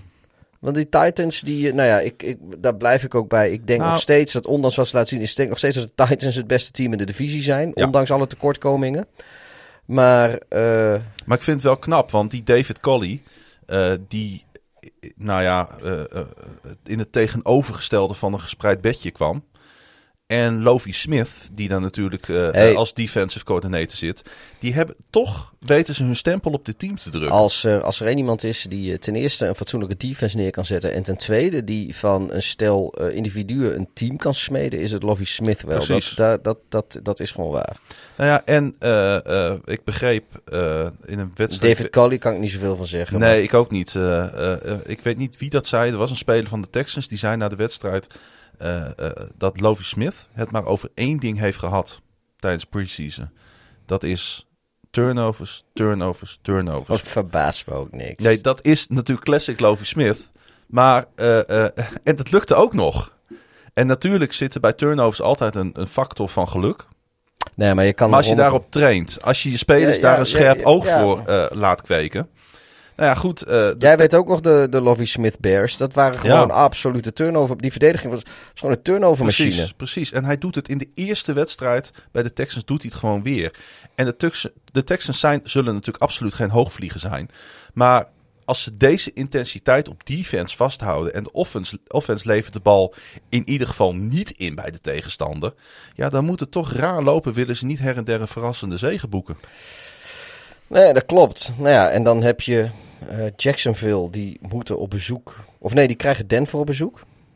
Volgens mij, volgende week. Ik, heb deze, de, ik zie dat ik het vergeten ben om erbij te zetten eh, bij deze. Eh, Twee, ja, Denver at Jacksonville. De Texans natuurlijk naar Cleveland. Ja, Texas naar Cleveland. Maar Denver die moet naar Jacksonville. Die, dat, dat, dat, hebben ze, dat, dat, dat hebben de Jaguars ook nog niet Maar- gewonnen. Absoluut niet. Dat is ook een, ik bedoel, ja, Trevor Lawrence tegen, tegen, de, tegen, de, tegen de Denver defense. Nou, Ik denk niet dat hij hem rustig, eh, rustig in zijn spel laten komen als ze de kans hebben. Ik denk dat de eh, conclusie is dat Lawrence heel snel volwassen moet worden. Wil hij wil die iets gaan presteren in deze NFL? misschien moet ik een naar de kapper. Dat is weer een andere discussie. hey, eh, de seizoensopener was vorige week donderdag. Alweer een week geleden. Oh. De Cowboys op bezoek bij de Buccaneers. Ja, geweldige pot Ja, was dat. was wel een mooie. Ik heb, eh, ik heb hem niet live gezien. Ik heb eh, de game in 4D gekeken op de vroege vrijdagochtend. Ik ook, ja. Ik eh, moest ook een beetje, beetje voor, mijn, voor mijn betalende baas aan het werk. Ja, nee, het was. eh, En Tom Brady deed weer, hè? Ja, en, maar ik moet ook zeggen dat ik werd wel vrolijk van Dak Prescott. Ik had, ik had gehoord, ik weet niet wel hoe ik daarbij kom, maar dat hij, dat hij misschien nog best wel lastig had. In pre-season en, en, en zijn niveau en zijn fitheid. Maar Mhm. eh, nou, daar, kon ik niet zoveel van zien. Dus ik, dat, dat stemde mij wel vrolijk. Ik moet zeggen dat, en dat is altijd eh, een beetje verneukeratief. Ik heb eh, de Hard Knocks heb ik gevolgd. Ik heb alle afleveringen gezien. En ik had ook steeds wel het idee dat het wel goed zat of zo binnen dat team. En er was, zat ook een stukje in dat ze afreisden naar, naar Tampa. En dat, eh, dat die spelers tegen elkaar zeiden: We denken dat we het goed gaan doen. We weten niet of we de wedstrijd gaan winnen. Dat zeiden ze ook gewoon eerlijk. Maar het zou best wel eens kunnen zijn dat we daar een goede pot gaan spelen. En als je dat als spelers al tegen elkaar zegt. Ik denk niet dat dat, eh, dat, dat gestoeld was op, eh, op een soort van. eh, ehm, ehm, ehm, hoe moet ik dat zeggen? Eh, dat dat soort van valse hoop Op- was. Op bluffen. Nee. En inderdaad, eh, het, zag er, eh, het zag er van beide kanten goed uit. Maar die, die, die Buccaneers die zijn ook gewoon ongelooflijk sterk. Hè? Ja. Maar ik moet wel zeggen, weet je, de, de, de, de, de, de, de Buccaneers defense, waar die ik ook heel hoog zit, geeft wel gewoon 29 punten weg. Nu weet ik niet of... Het is natuurlijk ook deels, komt het natuurlijk omdat de Cowboys goed spelen. Ehm, maar, ja jeetje, eh, ja, wat Tom Brady ook al zei, eh, die was eh, bepaald niet, niet onder de indruk nog van zichzelf. Niet, niet alleen van zichzelf, maar ook niet per se van de rest van het team. Maar... ja, de, de Bucks waren, nog, waren niet het team die ze, die ze op een gegeven moment de tweede seizoen zoals vorig jaar waren. Nee, op zich heb je daar een goed punt inderdaad. Maar wat mij met name opviel, ja, jij begint over Dak Prescott. Maar wat vorig jaar natuurlijk abominabel was, dat was die Cowboys defense. Defense. En ehm, eh, die deden het eigenlijk best wel goed, hè? Met een, eh, een, een, een geforceerde fumble, een, eh, een interceptie. Ja, En eigenlijk stonden de, stond de Dallas defense aan de basis van verschillende scores van de, van de Cowboys. En als dat gaat gebeuren, dat hadden qua we al, veldpositie. qua ja, veldpositie, ja, ja. en dat hadden we al een beetje geconstateerd. Hè? Als die Dallas offense dat niveau eh, eh, Van vorig jaar heeft. van vorig jaar heeft met, De- met, die- met Elliott, met een fitte Dak Prescott. En die verdediging, die weet zichzelf eh, naar een soort van niveau gemiddeld te ja, spelen. die, die hoeven maar één touchdown per wedstrijd minder weg te geven. Nou ja, eh, dat gold trouwens voor deze wedstrijd daar uiteindelijk ook. ja, maar dan weet je, je geeft Brady nog een keer de bal in de two-minute in, met, met, met, in de two-minute warning. En dan weet je gewoon van, Ja, dan weet je wat er gaat gebeuren. ja, dat, dat, dat, is, eh, dat is een outlier. En dan hebben ze met Ryan Suckup hebben ze een te goede kikker om, eh, om dat te laten gebeuren natuurlijk. Maar Ehm, Elliot, die had toch, ja, of ik moet die wedstrijd die had toch helemaal niet zo denderende wedstrijd. Nee, dat klopt. Ik was niet, eh, ik, ik, ik, dat ik had ben- hij ook niet. Ik ben niet zo, eh, zo, zo Elli- Elliot terug. Ik ben wel fan van de persoon Elliot. Is maar dat goed, zo? dat zegt natuurlijk helemaal niks over. Ja, ik vind het een geweldig kereltje. Alleen het zegt natuurlijk helemaal niks over zijn prestaties. Kereltje. Eh, Moet hem met zijn donkerstegen tegenkomen. ja, dat is, hem zo- hij, moet mij ook niet, Kereltje. hij moet mij ook niet in het donkere steegje tegenkomen. Nee, maar ja, ik, ik, ik, wat, wat, wat, ja, nee, ik, die, die, die had natuurlijk niet zo'n hele goede wedstrijd, eh Elliot. Maar goed, we, we gaan het zien, want dat hebben we natuurlijk ook uit de pre-season gehaald, dat hij, eh, hij heeft zoveel carries gehad, hij heeft zoveel moeten doen de afgelopen jaren. En het is maar de vraag of hij nog eh, eh, die explosieve running back is, die, die elite running back is, die eh, die, die de laatste jaren is. Ik, ik, ik, de jury is still out on that one voor mij. Ja. Ik heb, eh, heeft met deze wedstrijd niet kunnen overtuigen nog. Was het eh, de kikker van de Cowboys, Zerline, die uiteindelijk eigenlijk de wedstrijd een beetje weg heeft gegeven voor de Cowboys? Greg the Leg bedoel je? Ja, natuurlijk een gemiste field goal en een extra point. En dan uiteindelijk verlies je met eh, twee punten verschil. Dat is dan wel heel pijnlijk voor een kikker, hè? Dat is niet best. Ik wil niet zeggen dat het aan hem ligt, hoor. Maar hij zal in ieder geval niet goed geslapen hebben. Dat we dat wel eh, kunnen constateren. Ehm, was er nog een man of the match voor jou eh, in deze wedstrijd? Dat je denkt van, eh hey, die speler viel mij echt in positieve zin op. Ik had er wel een namelijk.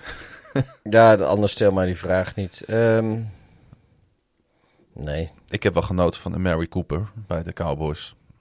13 catches voor 139 yards. Inclusief natuurlijk die, die touchdown catch in het tweede kwart. Ja, ik vind dat echt een geweldige receiver. Als, sterker nog, ik vind dat één... Die kan no- nog steeds gaan uitgroeien tot een van de allerbeste receivers in deze league.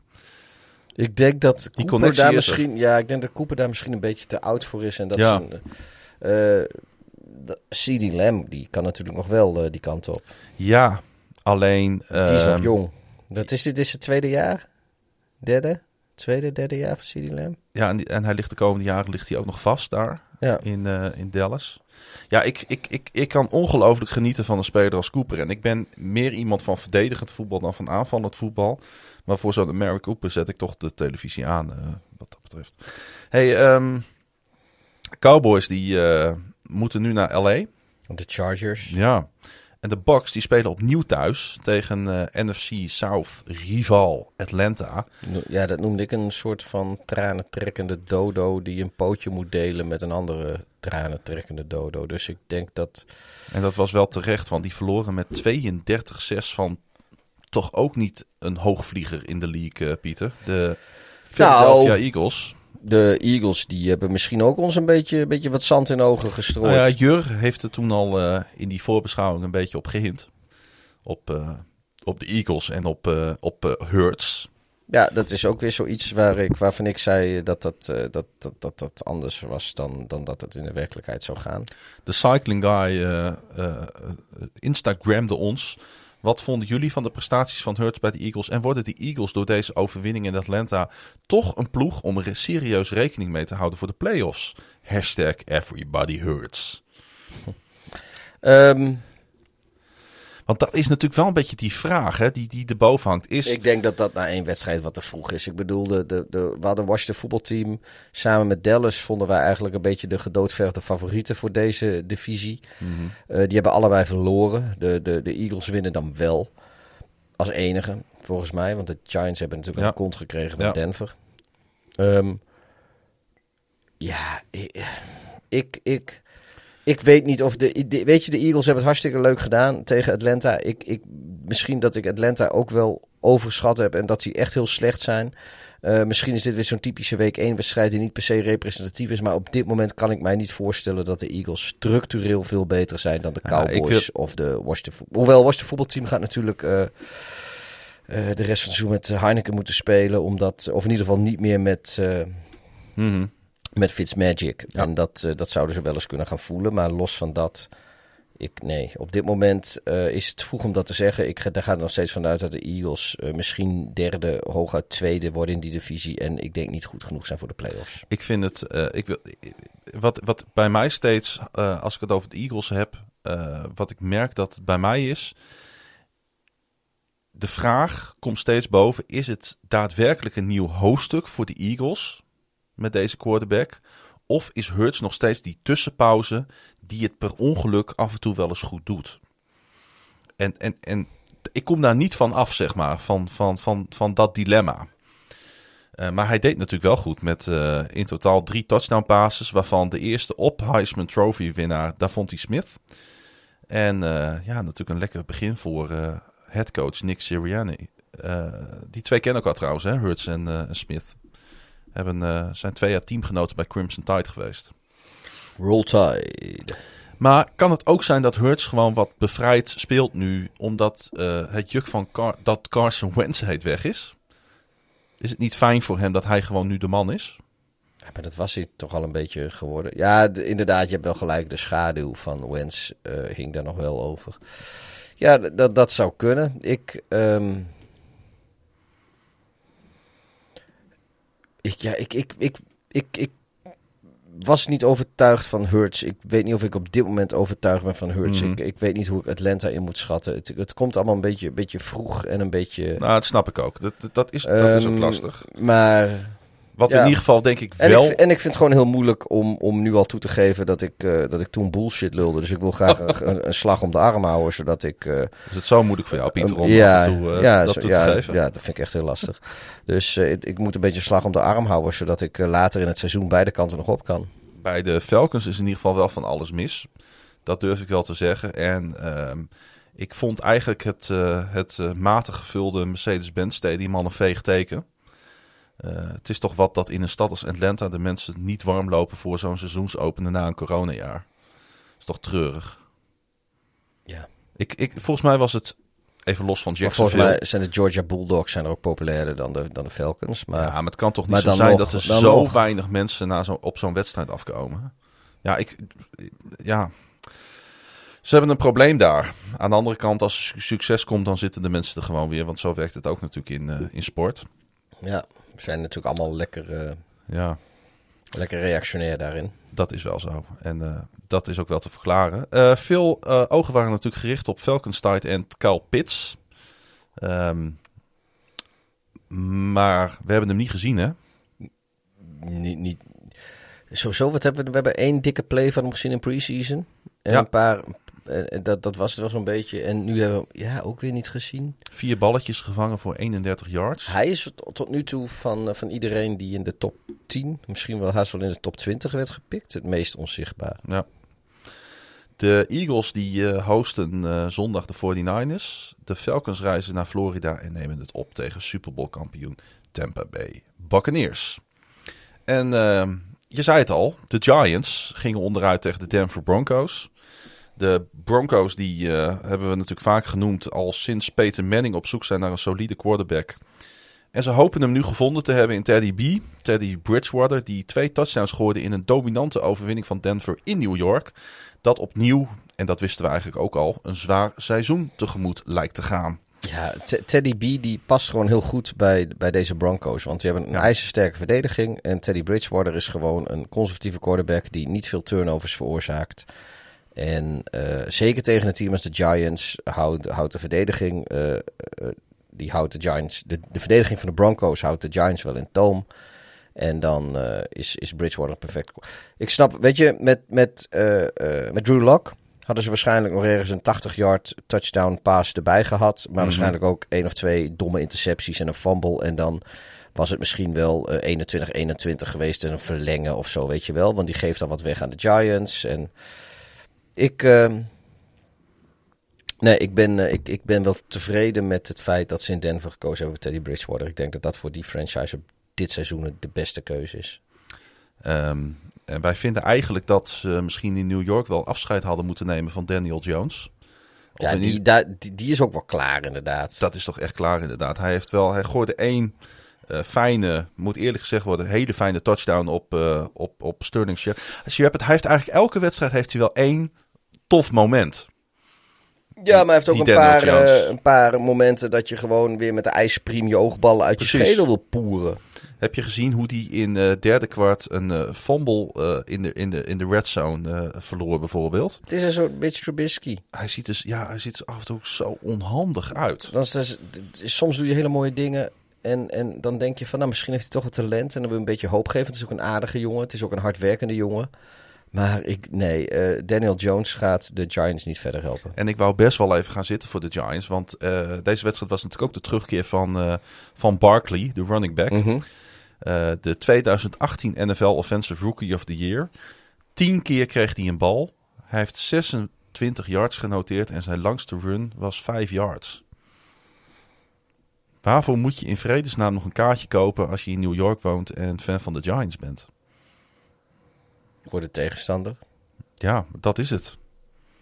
Want het, het- Als er een leuke tegenstander op bezoek komt, dan kun je het nog een keer overwegen. Of je kan, want de Jets, daar, dat, ja, sorry Edu, maar daar word je ook niet vrolijk van per se. Nee, het- ik vond het trouwens hier ook opvallend. Eh, we- ik heb het in meerdere stadions gezien.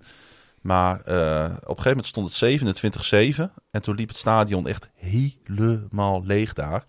En de mensen die nog overbleven, die waren in het oranje gekleed.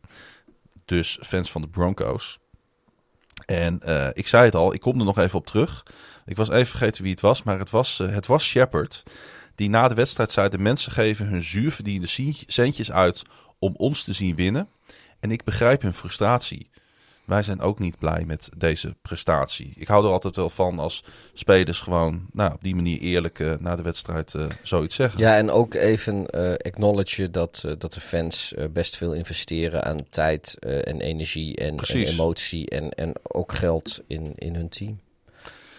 Mag je best herkennen af en toe. Ja, eh, treurig moment nog in deze wedstrijd. Broncos tweedejaars wide Ja. receiver Jerry Judy moest in het derde kwart met een enkel blessure van het veld gereden worden. En ehm, eh, hij is waarschijnlijk voor de rest van het seizoen eh, is hij uitgeschakeld. Is, is dat al zeker? Nou, ik zag er iets over voorbij komen. Want het leek heel lelijk te zijn. En toen later... Als jij het internet toevallig bij de hand hebt. Ik heb dat. Even kijken. Nieuws over Jared Judy. Hij, eh, waarschijnlijk is hij met een week of zes weer terug. Oh, nou. Dan is de laatste update toch Dat iets positiever dan ze in eh, eerste van- instantie dachten. Sports Illustrated meldt dat twee uur geleden. Ah, Oké. Eh, close to six weeks. Laten we het hopen voor hem en de Broncos. Ehm, Denver speelt zondag opnieuw een uitwedstrijd bij de Chargers en de Giants. Ja, die hebben weinig tijd om bij te komen van de kansloze nederlaag. Maar hoeven niet heel ver te reizen. Voor de Thursday Night Football in Summerfield, Maryland. Waar FedEx Field staat. Dan hopen dat de rioleringsbuis het houden. Ja, want trouwens, daar nog even op terugkomen. Eh, we noemden dat in de NFL maar dan snel. En toen eh, zei ik tegen jou eh, vanmiddag, ik zeg, is dat echt gebeurd? Daar zijn beelden van, hè? Daar zijn beelden van. Dat gewoon in dat stadion... Ja, dan moet je je voorstellen, joh. Dan sta het je is toch met een je oud goede... ding, hè? Ja, maar dan sta je met je goede gedrag sta je gewoon op de tribune en je staat er net een beetje over de, onder de, de, de ring boven je, zeg maar. En daar zie je, weet je, ja, eh, iedereen die wel eens sportwedstrijden bezoekt, of het nou voetbal of American voetbal of wat dan ook is, eh, die weet wel, je ziet allemaal van buizen en dingen door zo'n stadion lopen, onder het, die tribunes. Vaak is het bluswater, sprinklerinstallaties. Maar dit bleek gewoon een rioleringsbuis te zijn van, van, van, van de toiletten van, van, de, van de ring erboven. En eh, nou, dit- zo'n zo'n buis die schoot los. En dan komt er gewoon urine en, en wat dies meer zei van, van de supporters boven je. Dat, dat, nou, daar stonden mensen ook met natte shirts. Dus die hebben dat gewoon vol in de nek gehad. Ah, gadverdamme, weet je. Dan, dan, dan ben je toch ook meer, ben je gewoon lekker onderweg. Denk ik een wedstrijdje te zien. Dan moet je ook voorstellen, joh, dat, eh, dat als dat gebeurt en je, en je moet daarna nog, die wedstrijd duurt nog een paar uur en je moet ook nog een paar uur in de auto naar huis zitten. Dan mag je toch hopen dat je kan melden bij een steward en ergens in het stadion. Dat ze in ieder geval zeggen van nou luister, er zijn nog een paar douches. eh, en hier heb je een paar shirtjes en weet ik wat allemaal. eh, met met, met de complimenten van de club. Want dit, dit kan, dat kan toch echt niet. Ik vind het al, ja, ik word ook oud hoor. Maar ik vind het ranzig als ik, eh, weet ik veel, bier in mijn nek krijg bij FC Groningen. Als ze een keer een doelpunt maken. Daar, daar ben ik ook een beetje klaar mee. Ja, daarom staan wij daarom tegenwoordig zijn op de we- ene achterste rij. We zijn, weer, we zijn eh, weer omhoog gegaan, want ik was een beetje klaar mee. Maar eh, moet je je voorstellen, joh, als, als, als, als, als, als dat urine en weet ik veel wat voor... Ah, gadverdamme, jongen. Ja, En alleen, dan moet je ook nog de fucking worste voetbalteam zien. ja, Maar ja, Want ze verloren. En ik vond dit eh, eh, vorige eh, week al best wel een lastige wedstrijd om te voorspellen. En dat bleek ook wel een beetje tijdens de wedstrijd. Ze waren aardig aan elkaar gewaagd. Maar het was toch bij tijd en wijle, vond ik het wel slordig. Ik, had, ik had eigenlijk een beeld overgehouden van de Washington voetbalteam van vorig jaar. Dat het een steady team was, met name op defense.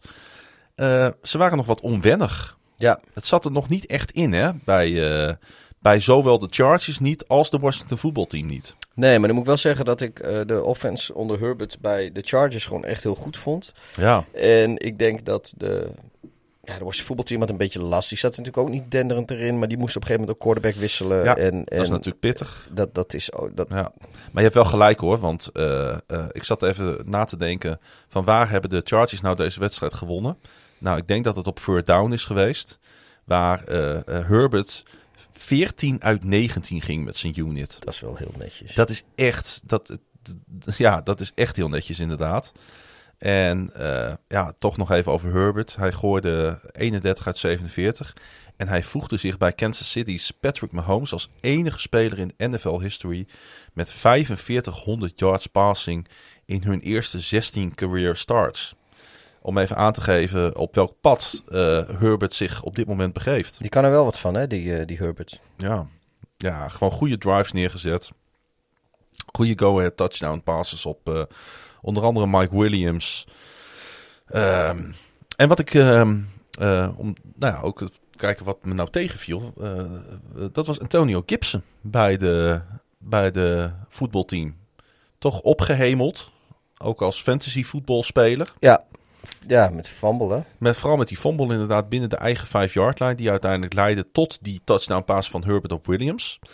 Ehm, ja, als je dan zo'n wedstrijd, zo'n low scoring game eh, speelt. Waarin je weinig kansen krijgt. En je geeft één keer de bal weg op de 5-yard line. Dan is daar dus waar je de wedstrijd uiteindelijk ook verliest. Ja. Ehm, inderdaad, je zei het al. Eh veteran starting quarterback Ryan Fitzpatrick moest de wedstrijd noodgedwongen verlaten in het tweede kwart met een eh, rechterheupblessure. En hij werd inderdaad vervangen door Heineke. Eh, op zich Heerlijk, wel populair. helder Heineke.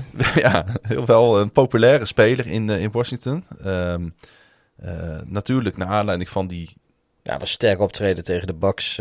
topwedstrijd die die speelde tegen de Bucks inderdaad. Die wildcard nederlaag. En ehm nou goed, eh, eh, eh, het voetbalteam heeft dan één mazzel. Ze hebben een redelijke backup in huis.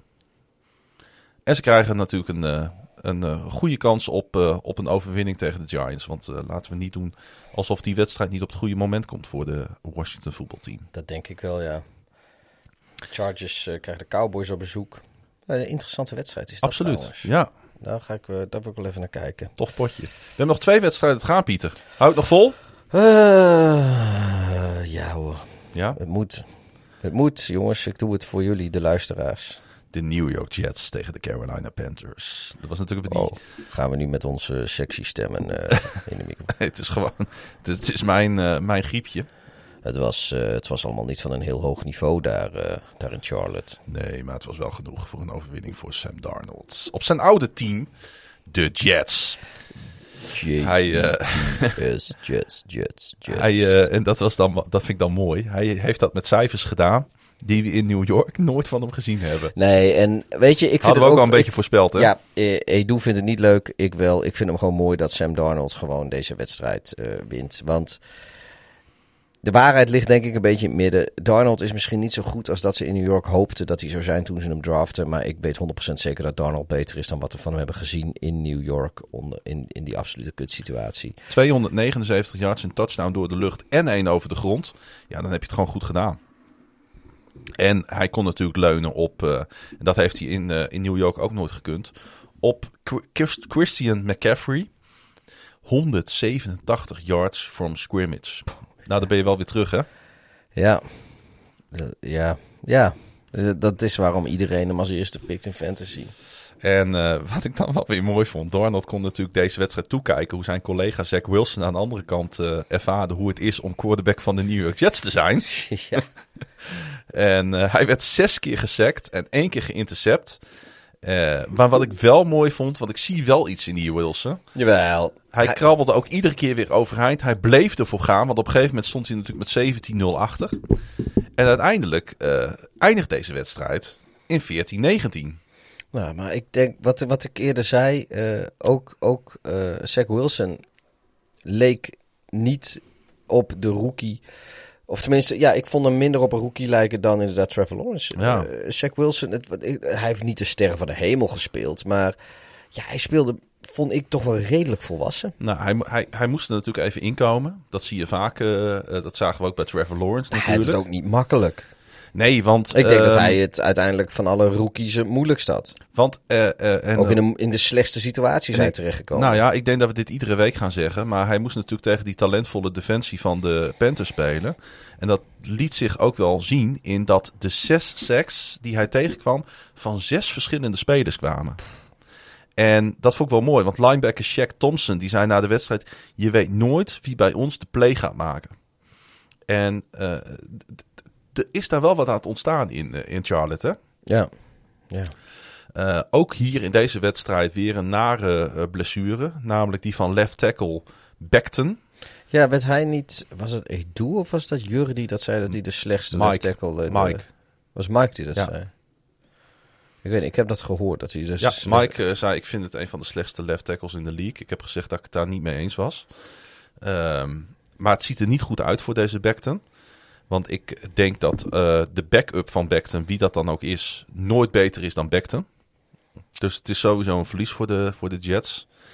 En eh, bij de Panthers was er een op het oog zware blessure voor cornerback Miles Hartsfield. Ze hadden het naar als in week 1 al gelijk een paar van die, van die, van die, van die nare, eh, bepalende blessures plaatsvinden. Ja.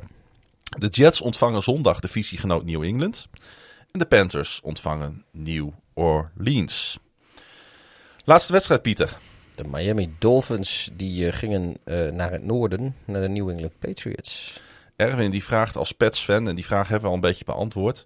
Wat vinden jullie van Mac Jones, eventueel in vergelijking met de andere rookies? Ja, nou, ik ga het weer zeggen. Eh, Trevor Lawrence leek een beetje op een rookie van Jones. En vooral van Jones, maar ook in zekere zin inderdaad van Zach Wilson had ik dat idee veel minder.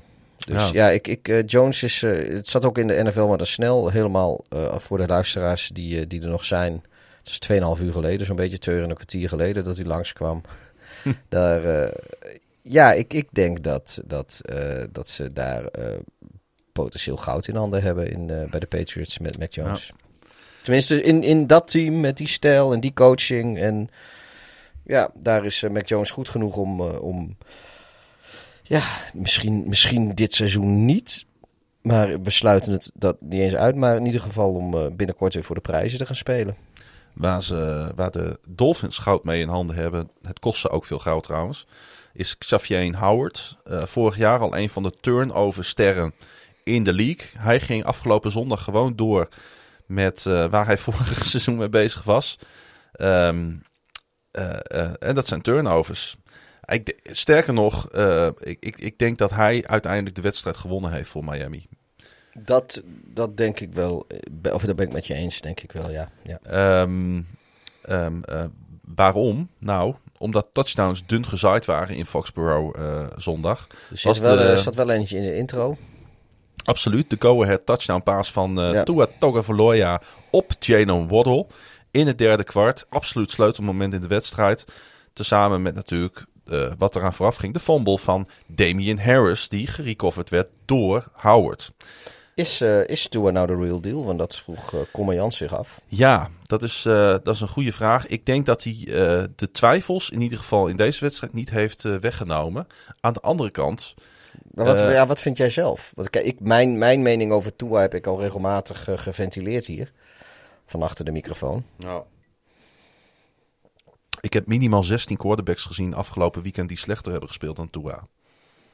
Laat ik het dan op die manier benaderen. Dus hij zit dan sowieso bij de beste 16. Nou ja, op, basis van week 1, absoluut. Ik vond dat hij echt wel solide speelde. Aan de andere kant er waren natuurlijk ook zoals Trey Lance en Justin Fields. Die kwamen er ook even in. Bij, eh, bij Washington hebben we ook twee quarterbacks gezien. Want, eh, want Fitzpatrick eh, ging eruit. Ja. Dus dan zou die, als je de 16 slechter hebt gezien, kan hij nog steeds aan de verkeerde kant van de helft zitten. Ja, eh, dat is een beetje flauw Nou ja, waar het, waar het probleem bij Tua zit. Ik vind Tua vind ik wel een, een- gewoon een goede gemiddelde quarterback. Maar ik vind dat hij niet thuis geeft op de momenten waar het het toe doet. Dus jij vindt hem een beetje zeg maar tussen 13 en 20. Ja, en ik, En dat verschilt een, dat, dat is zeg maar een beetje waar die, waar die zit. Op goede dag is hij 13, misschien 12, maar vaak zit hij op 15, 16. Nou ja. En op een slechte dag is hij 19, 20. laten we hem vergelijken met een andere jongeling, Justin Herbert. Die dus eh, bijna al zijn third downs, 14 uit 19, eh, samen met zijn unit eh, wist te maken. De Dolphins kwamen voor, moet ik het goed zeggen, 11 third downs situaties te staan. En wisten daar maar vier van tot een, Ja, een tot een nieuwe down te, Ja. te, te, te volbrengen. Ja, dus En waar daar- Herbert drie kwart pakt, pakt hij een derde. En daar zit voor mij het grote verschil. Ja. En dat bedoel ik met bepalende momenten. Hij gooide ook een interceptie. Nou, dat kan gebeuren. Bijna iedere quarterback heeft deze eh, speelronde namelijk een interceptie gegooid. Daar wil ik hem niet eens op afrekenen. Maar ik mis bij hem toch ehm, ja, die big play. eh, die je wel verwacht op een gegeven moment in zo'n wedstrijd. Ja. Ik verwacht eh, van, van een quarterback als Tua dat hij je team op bepaalde momenten 10 yards verder brengt. Dat die offense op het veld blijft staan. En eh, de Patriots moesten overduidelijk nog wennen op defense aan elkaar. Daar moet je van profiteren. Daar moet je van profiteren. En dan wordt het uiteindelijk maar 17-16. Dus eh, op zich solide, maar hij gaat, eh, hij gaat niet die top 10 quarterback worden. Is mijn voorspelling. Ik, ik kan me daar wel redelijk in vinden. Ik denk dat... Al moet ik wel zeggen dat ik het idee had dat hij deze wedstrijd meer diepe ballen heeft gegooid dan alle, alles bij elkaar vorig seizoen. Ja, weet je, ik, ik, ik, ik, ergens zie ik een Tua ook wel in een quarterback die heel veel talent heeft, maar die zich gewoon wat langzamer ontwikkelt. We kunnen niet allemaal een Deshaun Watson of een Patrick Mahomes zijn die er eh, eigenlijk vanaf het moment dat ze debuteren meteen staan. Of Justin Herbert. Dat is Hmm. niet per se realistisch. Het kan ook gewoon zijn dat je, zoals bijvoorbeeld Drew Brees, die er pas vanaf zijn vijfde seizoen stond. eh, de eerste vier seizoenen zijn rookiecontract. Heeft hij, eh, de- na het uitdienen van zijn rookie- rookiecontract, werd hij door de Chargers weggetrade. Omdat ze gewoon niet van hem onder de indruk waren. En zij liever Philip Rivers hadden. Ja, nu is Philip Rivers natuurlijk ook geen slechte quarterback geweest. Maar laten we eerlijk zijn. Als, Mm. eh, als ze in eh, San Diego toen nog hadden geweten wat voor quarterback Drew Brees zou worden. Dan hadden ze natuurlijk nooit hem weggetraind. En ik, ergens zie ik zo'n scenario voor Tua wel komen. Maar eh, eh, vooralsnog, nee. Ik ehm, denk dat we eh, het daarmee goed hebben samengevat. Gezegd hebben dat Jones gewoon, eh, denk ik, voor zijn eerste wedstrijd eh, indruk heeft gemaakt. Ja, ja ook, ook ja, Jones leek ook mis- misschien wel minder rookie. Die, ja, die leek, je zag niet meteen vanaf die zijn eerste wedstrijd speelde. Nee, en eh, eh, ehm, ah, wat, ik, wat ik knap vond aan zijn prestaties, is dat ik het idee had als kijker dat hij een goed oog had voor het vinden van de soft spots in die Miami defense. En als je dat, eh, als je dat inzicht al in zo'n eerste wedstrijd kan laten zien, nou, dan heb je het gewoon hartstikke goed gedaan. Ja, en maar als goed, je, als je natuurlijk ook een paniek... coach eh, achter zich staan die hem dat leert. Ja, en als je niet in paniek raakt of rare dingen gaat forceren als, als je het zo snel niet ziet. Dan, ja, dat Want eigenlijk werd hij een beetje in de steek gelaten door de rest van zijn aanval. Die een aantal ongelooflijk domme penalties eh, begingen. Eh, waardoor eh, de, de, Patriots regelmatig voor field goals moesten gaan. In plaats van eh, een kans op plays in de red zone. Dus ik was eigenlijk een beetje teleurgesteld. Niet door Mac Jones, maar wel door de rest van de. Van de met name de O-line van de, van de Pets. De Dolphins spelen zondag hun eerste thuiswedstrijd. Ja, Tegen divisiegenoot Buffalo. En de Patriots blijven in de divisie met een uitwedstrijd in New York tegen de Jets. Oh, dat is hem niet. Sorry. Dit is hem.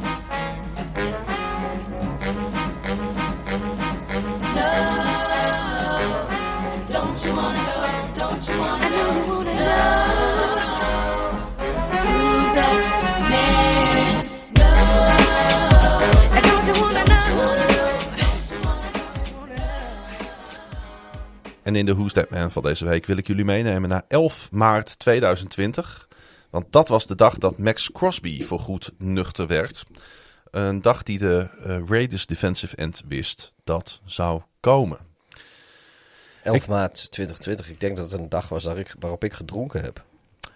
Eh, grote kans, Pieter. Ik ga quoten. Ik wist het vanaf de dag dat ik begon met drinken.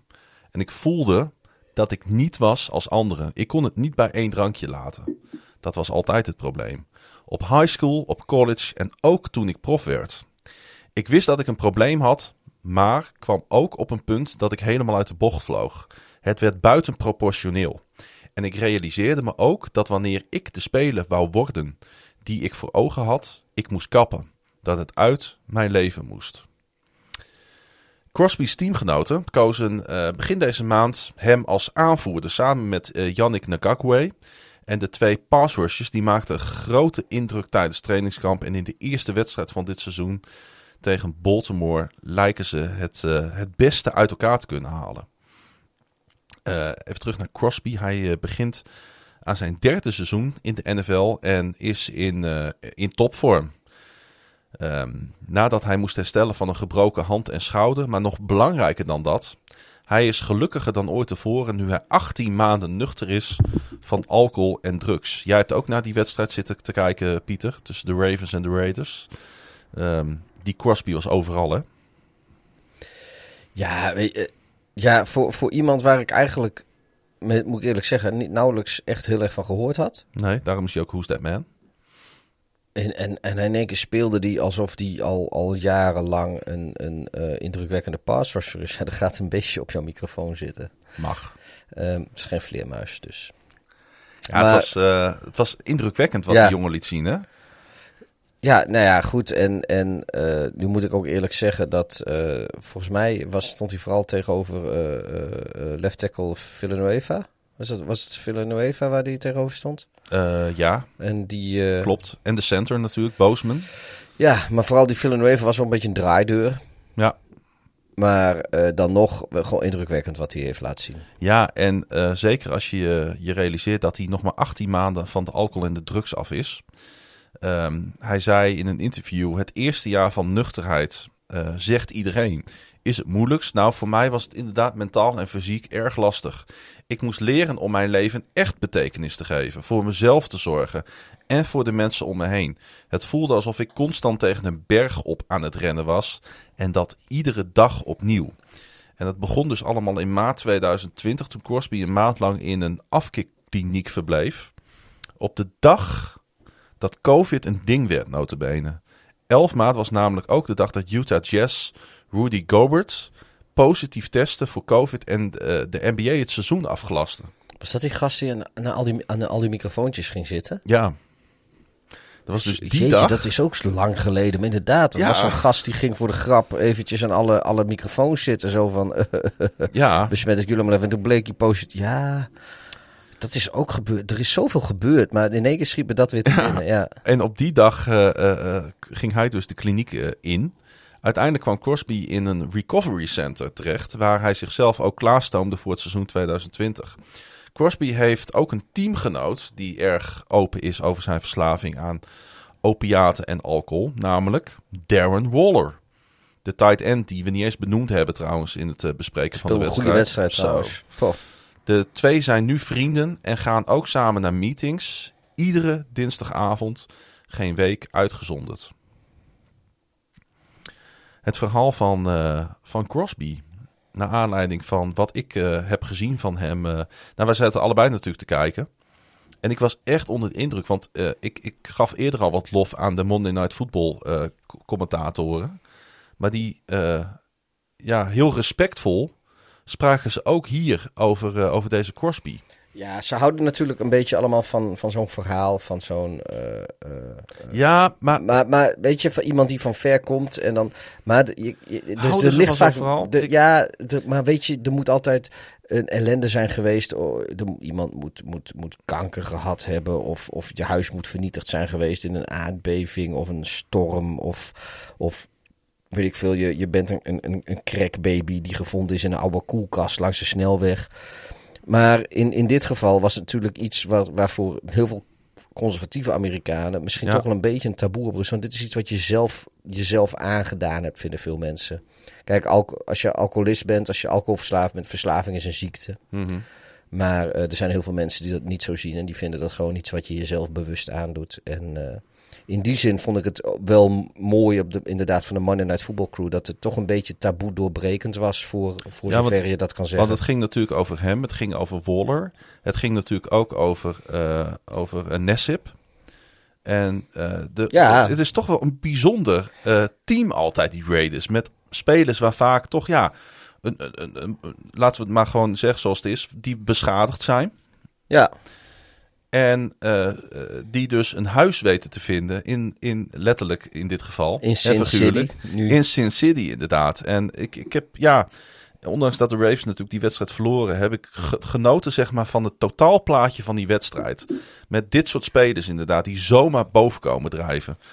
De intensiteit waarmee ze spelen, de dankbaarheid waarmee ze spelen. En het verhaal wat gewoon, ja, open en bloot gewoon wordt neergelegd over deze jongen. Ik, ehm, ja, ik, ik heb. ehm, ik heb, eh, ik heb, eh, ik heb eh, respect gekregen voor dit team. We deden altijd heel lacherig over de Raiders. En als we dan een speler hadden die nog geen team had, zeiden we van nou, dan kunnen ze wel naar de Raiders, want hè, die pikken toch iedereen op die, die, die, die naar een team op zoek is. drugs en, en seksverslaafden die strafblad. Maar, de- maar deze Crosby heeft het echt gedaan. Die heeft echt de route gelopen. Ja, ik heb, ik heb, ik, er is geen speler geweest waar Maar ik zo van ik- onder de indruk was. dat- in al die wedstrijden afgelopen. Is natuurlijk ook, weet je, we, we zitten de hele tijd eh, eh, wel een beetje te roepen over hoe Dan Campbell een, een soort spelersmanager is. Mhm, mhm. Maar Gruden is dat echt Zo. zo. heel- weet je, of, of ik, ik weet niet of, of, want zijn contract loopt nog zes jaar door naar dit seizoen of zo. Ik, ik, ik, ik ga echt niet zeggen dat ze een Super Bowl gaan winnen die tijd. Maar ik denk wel dat er veel spelers zijn die graag onder Gruden spelen. Ik denk het ook. En zeker dit soort boys. Max Robert Crosby, want zo heet hij voluit. Werd geboren op 22 augustus 1997 in Colleyville, Texas. Een stadje met zo'n 25.000 inwoners op zo'n half uur rijden van het centrum van Dallas. De plaats is ontstaan als stop aan de Cotton Belt Route, een voormalige treinroute tussen St. Louis en Texas tussen 1891 en 1980. Vind ik zo jammer hè, dat dat er niet meer is, terwijl dat 100 jaar heeft bestaan. Oorspronkelijk heette het plaatsje Brandsford, maar de plaats werd genoemd, vernoemd moet ik zeggen, naar een bekende arts die- zich er settelde, namelijk Dr. Lilburn Howard Colley. En zo ontstond Colleyville. Er komt ehm, nog een andere bekende NFL-speler uit eh, Colleyville, namelijk Christian Ponder. Eh, Minnesota Vikings legend Christian Ponder. Ja, tussen 2011 en 2014 de quarterback inderdaad van de Minnesota Vikings. Ehm, Crosby ging naar Colleyville Heritage High School. De school kwam dit jaar overigens in het nieuws omdat de schooldirecteur geschorst werd in verband met een kritische rassentheorie. Hij is overigens Afro-Amerikaans, deze schooldirecteur. Ponder ging ook naar deze school. En je weet het hè, we kijken altijd even van wie zijn nog meer eh, op deze school actief geweest en nu bekend. Eh, ik kwam de naam van Jamie Alexander tegen, de actrice van de NBC-serie Blindspot. Kijk ik niet, zeg mij niet zoveel. Annie Ailonze. Ook dacht Annie Schilder. die, die, heeft, Jezus, wat flauw. die heeft gewoon op, het Volendamse, op de Volendamse MAVO Ja, gezeten. we zijn met Jantje en, en Piet Keizer en, en Piet Veerman. Ik kende trouwens haar ook niet. Ik kende trouwens wel die Blindspot serie. Dat is die serie dat, die, dat er zo'n vrouw met allerlei tatoeages op haar lichaam eh, ja, binnen maar wordt ik, gebracht. Op, ja, ik, ik, ik, de- weet, ik weet wel de, de, de, de synopsis, zeg maar. Maar ik, ik, er zijn zoveel series, ik kan Nee, echt niet zij eh, komt in ieder geval, eh, zij, zij komt er ook vandaan. En dus Annie Ailonze, eh die een hoofdrol speelde als Maya in General Hospital. Ook wel een bekende serie. En eh, Adam Zimmer heeft op deze school gezeten. De zoon van Mike Zimmer. Van de Minnesota Vikings, op dit moment in elk geval. Nou ja, en Adam Zimmer is op dit moment onder zijn vaders leiding de linebackerscoach bij de Vikings. College van Crosby was Eastern Michigan. Eh, het voetbalteam daar heet de Eagles en ze spelen in de Mid-American Conference in de Division 1. De school heeft al sinds 1891 een voetbalteam. Echt een oude school ja, dus. Ja. Eh, maar goed, dat verbaast niet, want in Michigan staan heel veel oude colleges. En Ja, ze hebben... in eh, Ohio en, en, en eh, de, de Indiana. in die streek, Ja. daar is, eigenlijk zijn de colleges daar ja. ontstaan. Hè? En, het, en het voetbal is daar eigenlijk ontstaan. ja, het voetbal sowieso. Dus, Precies. dus dat, ja. En ze hebben overigens een rivalry met Central Michigan. Ik denk dat dat een iets bekender voetbalteam is. Er is, eh, ja, dat is dan ook wel zo. Dan heb je dus sinds 1891 heb je een voetbalprogram. Dus dat is echt al heel lang. En er is maar één Eastern Michigan alumni. Die is toegetreden tot de Pro Football Hall of Fame. is toch wel sumier, hè?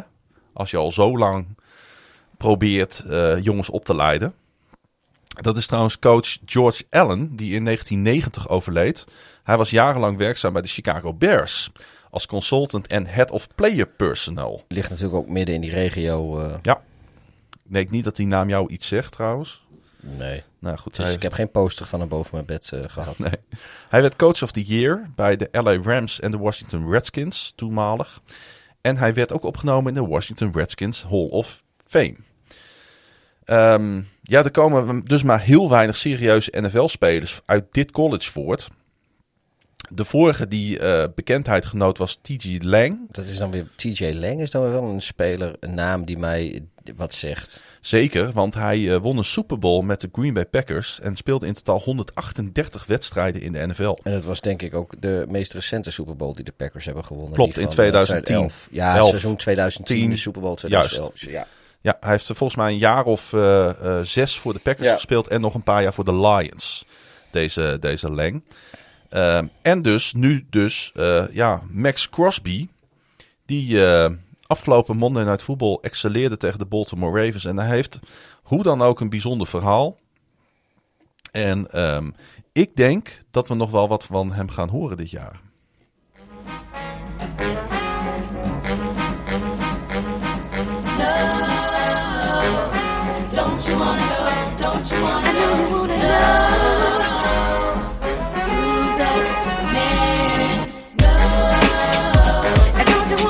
De Who's That Man van deze week is Max Crosby.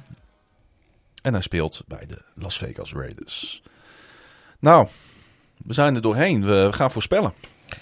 Ja, eh, laten we dat maar gewoon gaan doen. Ik heb stiekem heb ik, eh, mijn picks alvast ingevuld, want zo Oh. ben ik. Jij hebt de wedstrijden voor je staan, hè? Ja, dus ik ga gewoon... eh, weet je, ik heb, ik heb ze al ingevuld, dus ik eh, vraag jou gewoon steeds als eerste en dan zeg ik wel wat ik heb. Want eh, Dat is goed. dan zijn we, eh, gaan we er lekker snel doorheen. De Giants op bezoek bij de Washington voetbalteam. Voetbalteam. Ja, die heb ik ook. De Cincinnati Bengals reizen af naar het schitterend mooie Chicago om daar op Soldier Field tegen de Bears te gaan spelen. Bengals. Ik heb daar Chicago. De Houston Texans gaan naar Cleveland. Texans. Eh, kijk, daar heb ik Cleveland. Eh, de LA Rams eh, reizen af naar Indianapolis om daar tegen de Colts te gaan Ja, spelen. dan gaan de Rams winnen. Ja, die heb ik daar ook staan. De Miami Dolphins ontvangen de Buffalo Bills. Ja, goede pot is dat, hè? Ja, Bills. Ik denk dat die gaan, gaan terugbouncen. die heb ik daar ook. Het is er wel heel warm, denk ik weer waarschijnlijk, Zo. traditioneel. Ja.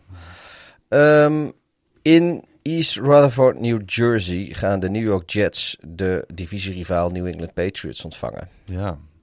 Dat betekent ook een clash tussen twee rookie quarterbacks natuurlijk. Zach Wilson Mhm. tegenover eh, Mac Jones.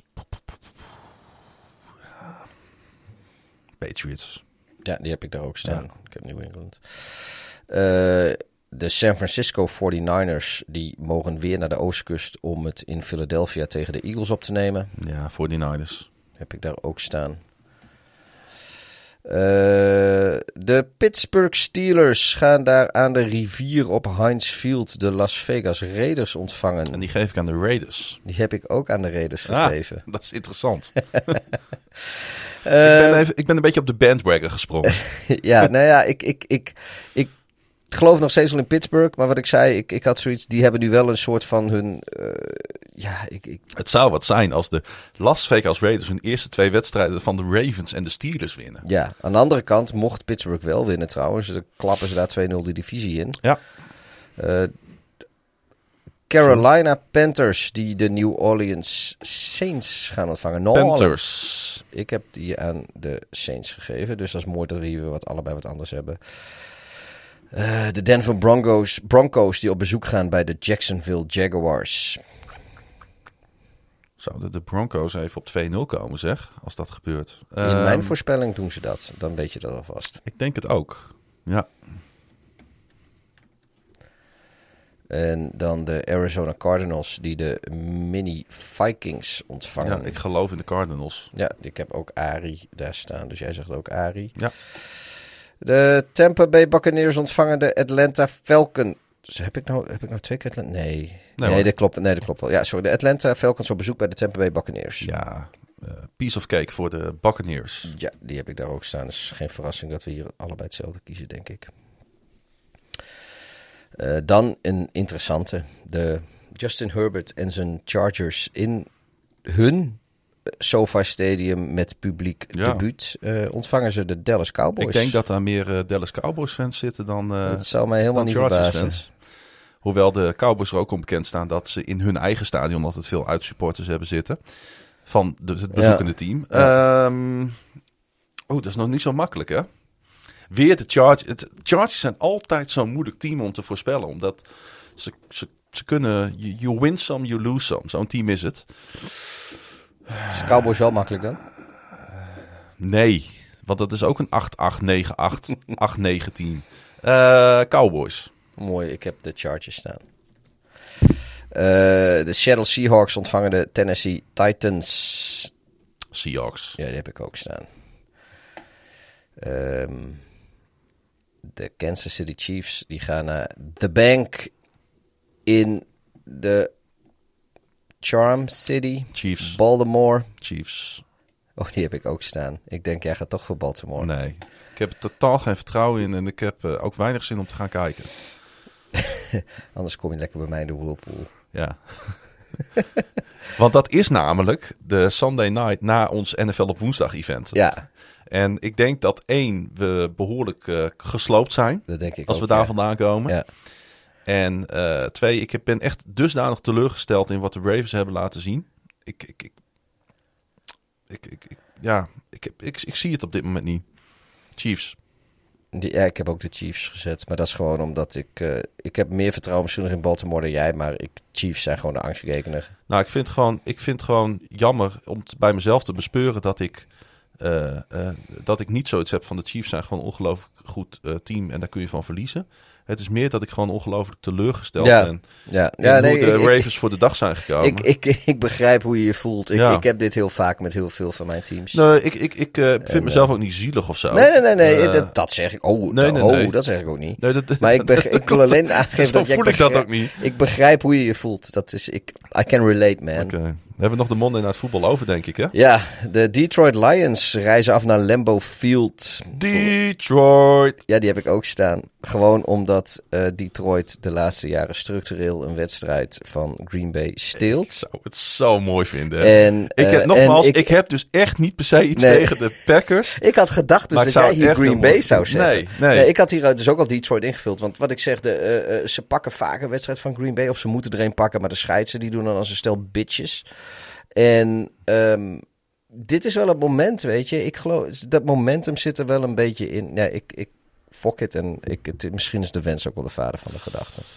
Pieter, ehm, ik Want in, met dit scenario staan de Bears vol, na, na volgende speelronde bovenaan. Volgens mij in de NFC North. En daar heb ik het niet op voorspeld trouwens. Maar dan is het dan wel zo. Samen met Detroit. kwam nog een vraagje over binnen. Van Erwin, die zei in de laatste podcast waren jullie aan het voorspellen. Blijven jullie dat doen? Nou Erwin, als je seizoen 1 hebt geluisterd, dan... Ja, dit is een beetje zoals Moet die meme van, weten? van... Hoe vertel ik dat ik seizoen 1 niet heb geluisterd... zonder te vertellen dat ik seizoen 1 niet heb geluisterd. Hij wil, eh, inclusief de stand, wil hij dat in ieder geval eh, van ons volgen. Nou. Zodat we uiteindelijk weten wie er meer verstand van heeft. Nou, ik kan je nu al vertellen. Überhaupt heeft Pieter meer verstand van dit spelletje dan ik heb. Ook omdat jij al veel langer kijkt trouwens. Maar eh, ja, ik heb toch het idee dat jij eh, altijd een kleine voorsprong hebt, hebt als het gaat om kennis. Ja, ik, ja. Eh, maar dat geeft misschien niet. is dat zo. Ehm, eh, Ik heb de eindstand van vorig Ja. seizoen er even bij geplakt. hè. Zo'n klootzak ben ik. We hebben... eh, viel me nog mee. Ja, oh, dat, dat, sowieso. Het is, eh, het is best lastig hoor. Eh, we hebben vorig jaar 238 wedstrijden voorspeld. Want we hebben de eerste speelronde niet voorspeld. En ik weet trouwens niet uit mijn hoofd of postseason hier wel of niet bij zit. Eh Klaas-Jan had er 128 van de 238 goed. En dat is dus 54% En ik had er 146 van de 238 goed. Dat is 61% Dus daar had ik gewonnen. En ook de voorspellingen van de eerste week. dat ging zes goede wedstrijden voor jou. Acht goede voor mij. Dus dat valt reuze mee. Dat eh, met wat we deze Het is, wel, het is wel, die lijn eh, van vorig jaar wordt wel doorgetrokken. ja, het, het, scheelt niet veel. Maar, als je nou, maar aan de andere kant, het gat is weer zo klein. Dat, dat als een paar uitslagen deze week jouw kant opvallen. dan ben je me zo weer voorbij. Want het gat is maar twee. En we hebben meer verschillende uitslagen voorspeld dan dat. Dat is waar. Pieter, ik heb ondertussen denk ik 38, 39 graden koorts. Ja, ik, Ik heb het idee dat mijn oor eraf valt. Ik, eh, ik, ik heb het idee Er dat zit jouw, een ontsteking in mijn hoofd. jouw, ik kop, heb een, jouw, eh, kop- jouw koptelefoon houdt je oor vast, heb ik het idee. ik heb een, eh, Haal hem nou niet van je oor af, want dan valt hij er echt ik heb af. een fles eh, Spa rood opgedronken tijdens de uitzending. Ik, heb- merk ook dat mijn stem het aan het begeven is. Eh, ik denk, dat, Het is wel ik mooi, denk man. dat het voor iedereen het beste is als we ermee ophouden. Voor ons, voor ons in de eerste plaats. Ehm, maar we hebben het weer gedaan. We doen het met liefde. We doen het met plezier. Ik ben ongelooflijk blij dat het seizoen begonnen is. Ik heb genoten van week 1. Ik heb genoten van Red Zone. Ik heb, eh, ja... En ik heb heel veel zin in ons event. Ik hoop dat ik fit ben. Ik ook. Ja, ja, tegen die tijd ben ik wel weer fit. We moeten even, eh, even een klein podcastje voorbereiden. We moeten even een eh, klein quizje voorbereiden. Daar ga ik wel even een beetje aan zitten ook. Ja. En En hoor je dit voor zondag en heb je zin om met andere NFL-fans eens een keer van gedachten te wisselen? Kom naar Tilburg. ja, kun je ook zien hoe wij een podcast in elkaar bouwen. Week 1. Socials. Socials. Oh, ik wou alleen zeggen, week 1 in de boeken. De podcast is in de boeken. We zijn er... eh, het is nu echt, echt allemaal begonnen. De socials. eh, jij kan gevolgd worden op diverse social media kanalen. De Twitters, de Instagrams, de Facebooks, weet ik wat allemaal. Jouw, jouw, jouw eh ad, Het naam, Klaasie Gun. dubbel A, dubbel S, dubbel N. En ik ben slechts op Twitter te volgen als eh eh Darth laagstreepje Hideous. En je kunt natuurlijk deze podcast volgen op NFL op woensdag. Ook op verschillende kanalen. Twitter, Facebook en Instagram. Volg ook KVM Media. En vergeet trouwens niet, mocht je dat nog niet gedaan hebben, ga naar nflopwoensdag.nl en doe je petje af voor ons met een kleine donatie. Knakenlid ben je al vanaf 2,50 per maand. We zijn er klaar mee. We zijn er echt klaar mee. Ja. Ik zet jou al een tijdje aan te kijken. En je- een paar keer zakt hij al weg, inderdaad. Roep, eh, roep, roep die uh, eindbieten maar in, jongen, dat bedje. Beste maar weer.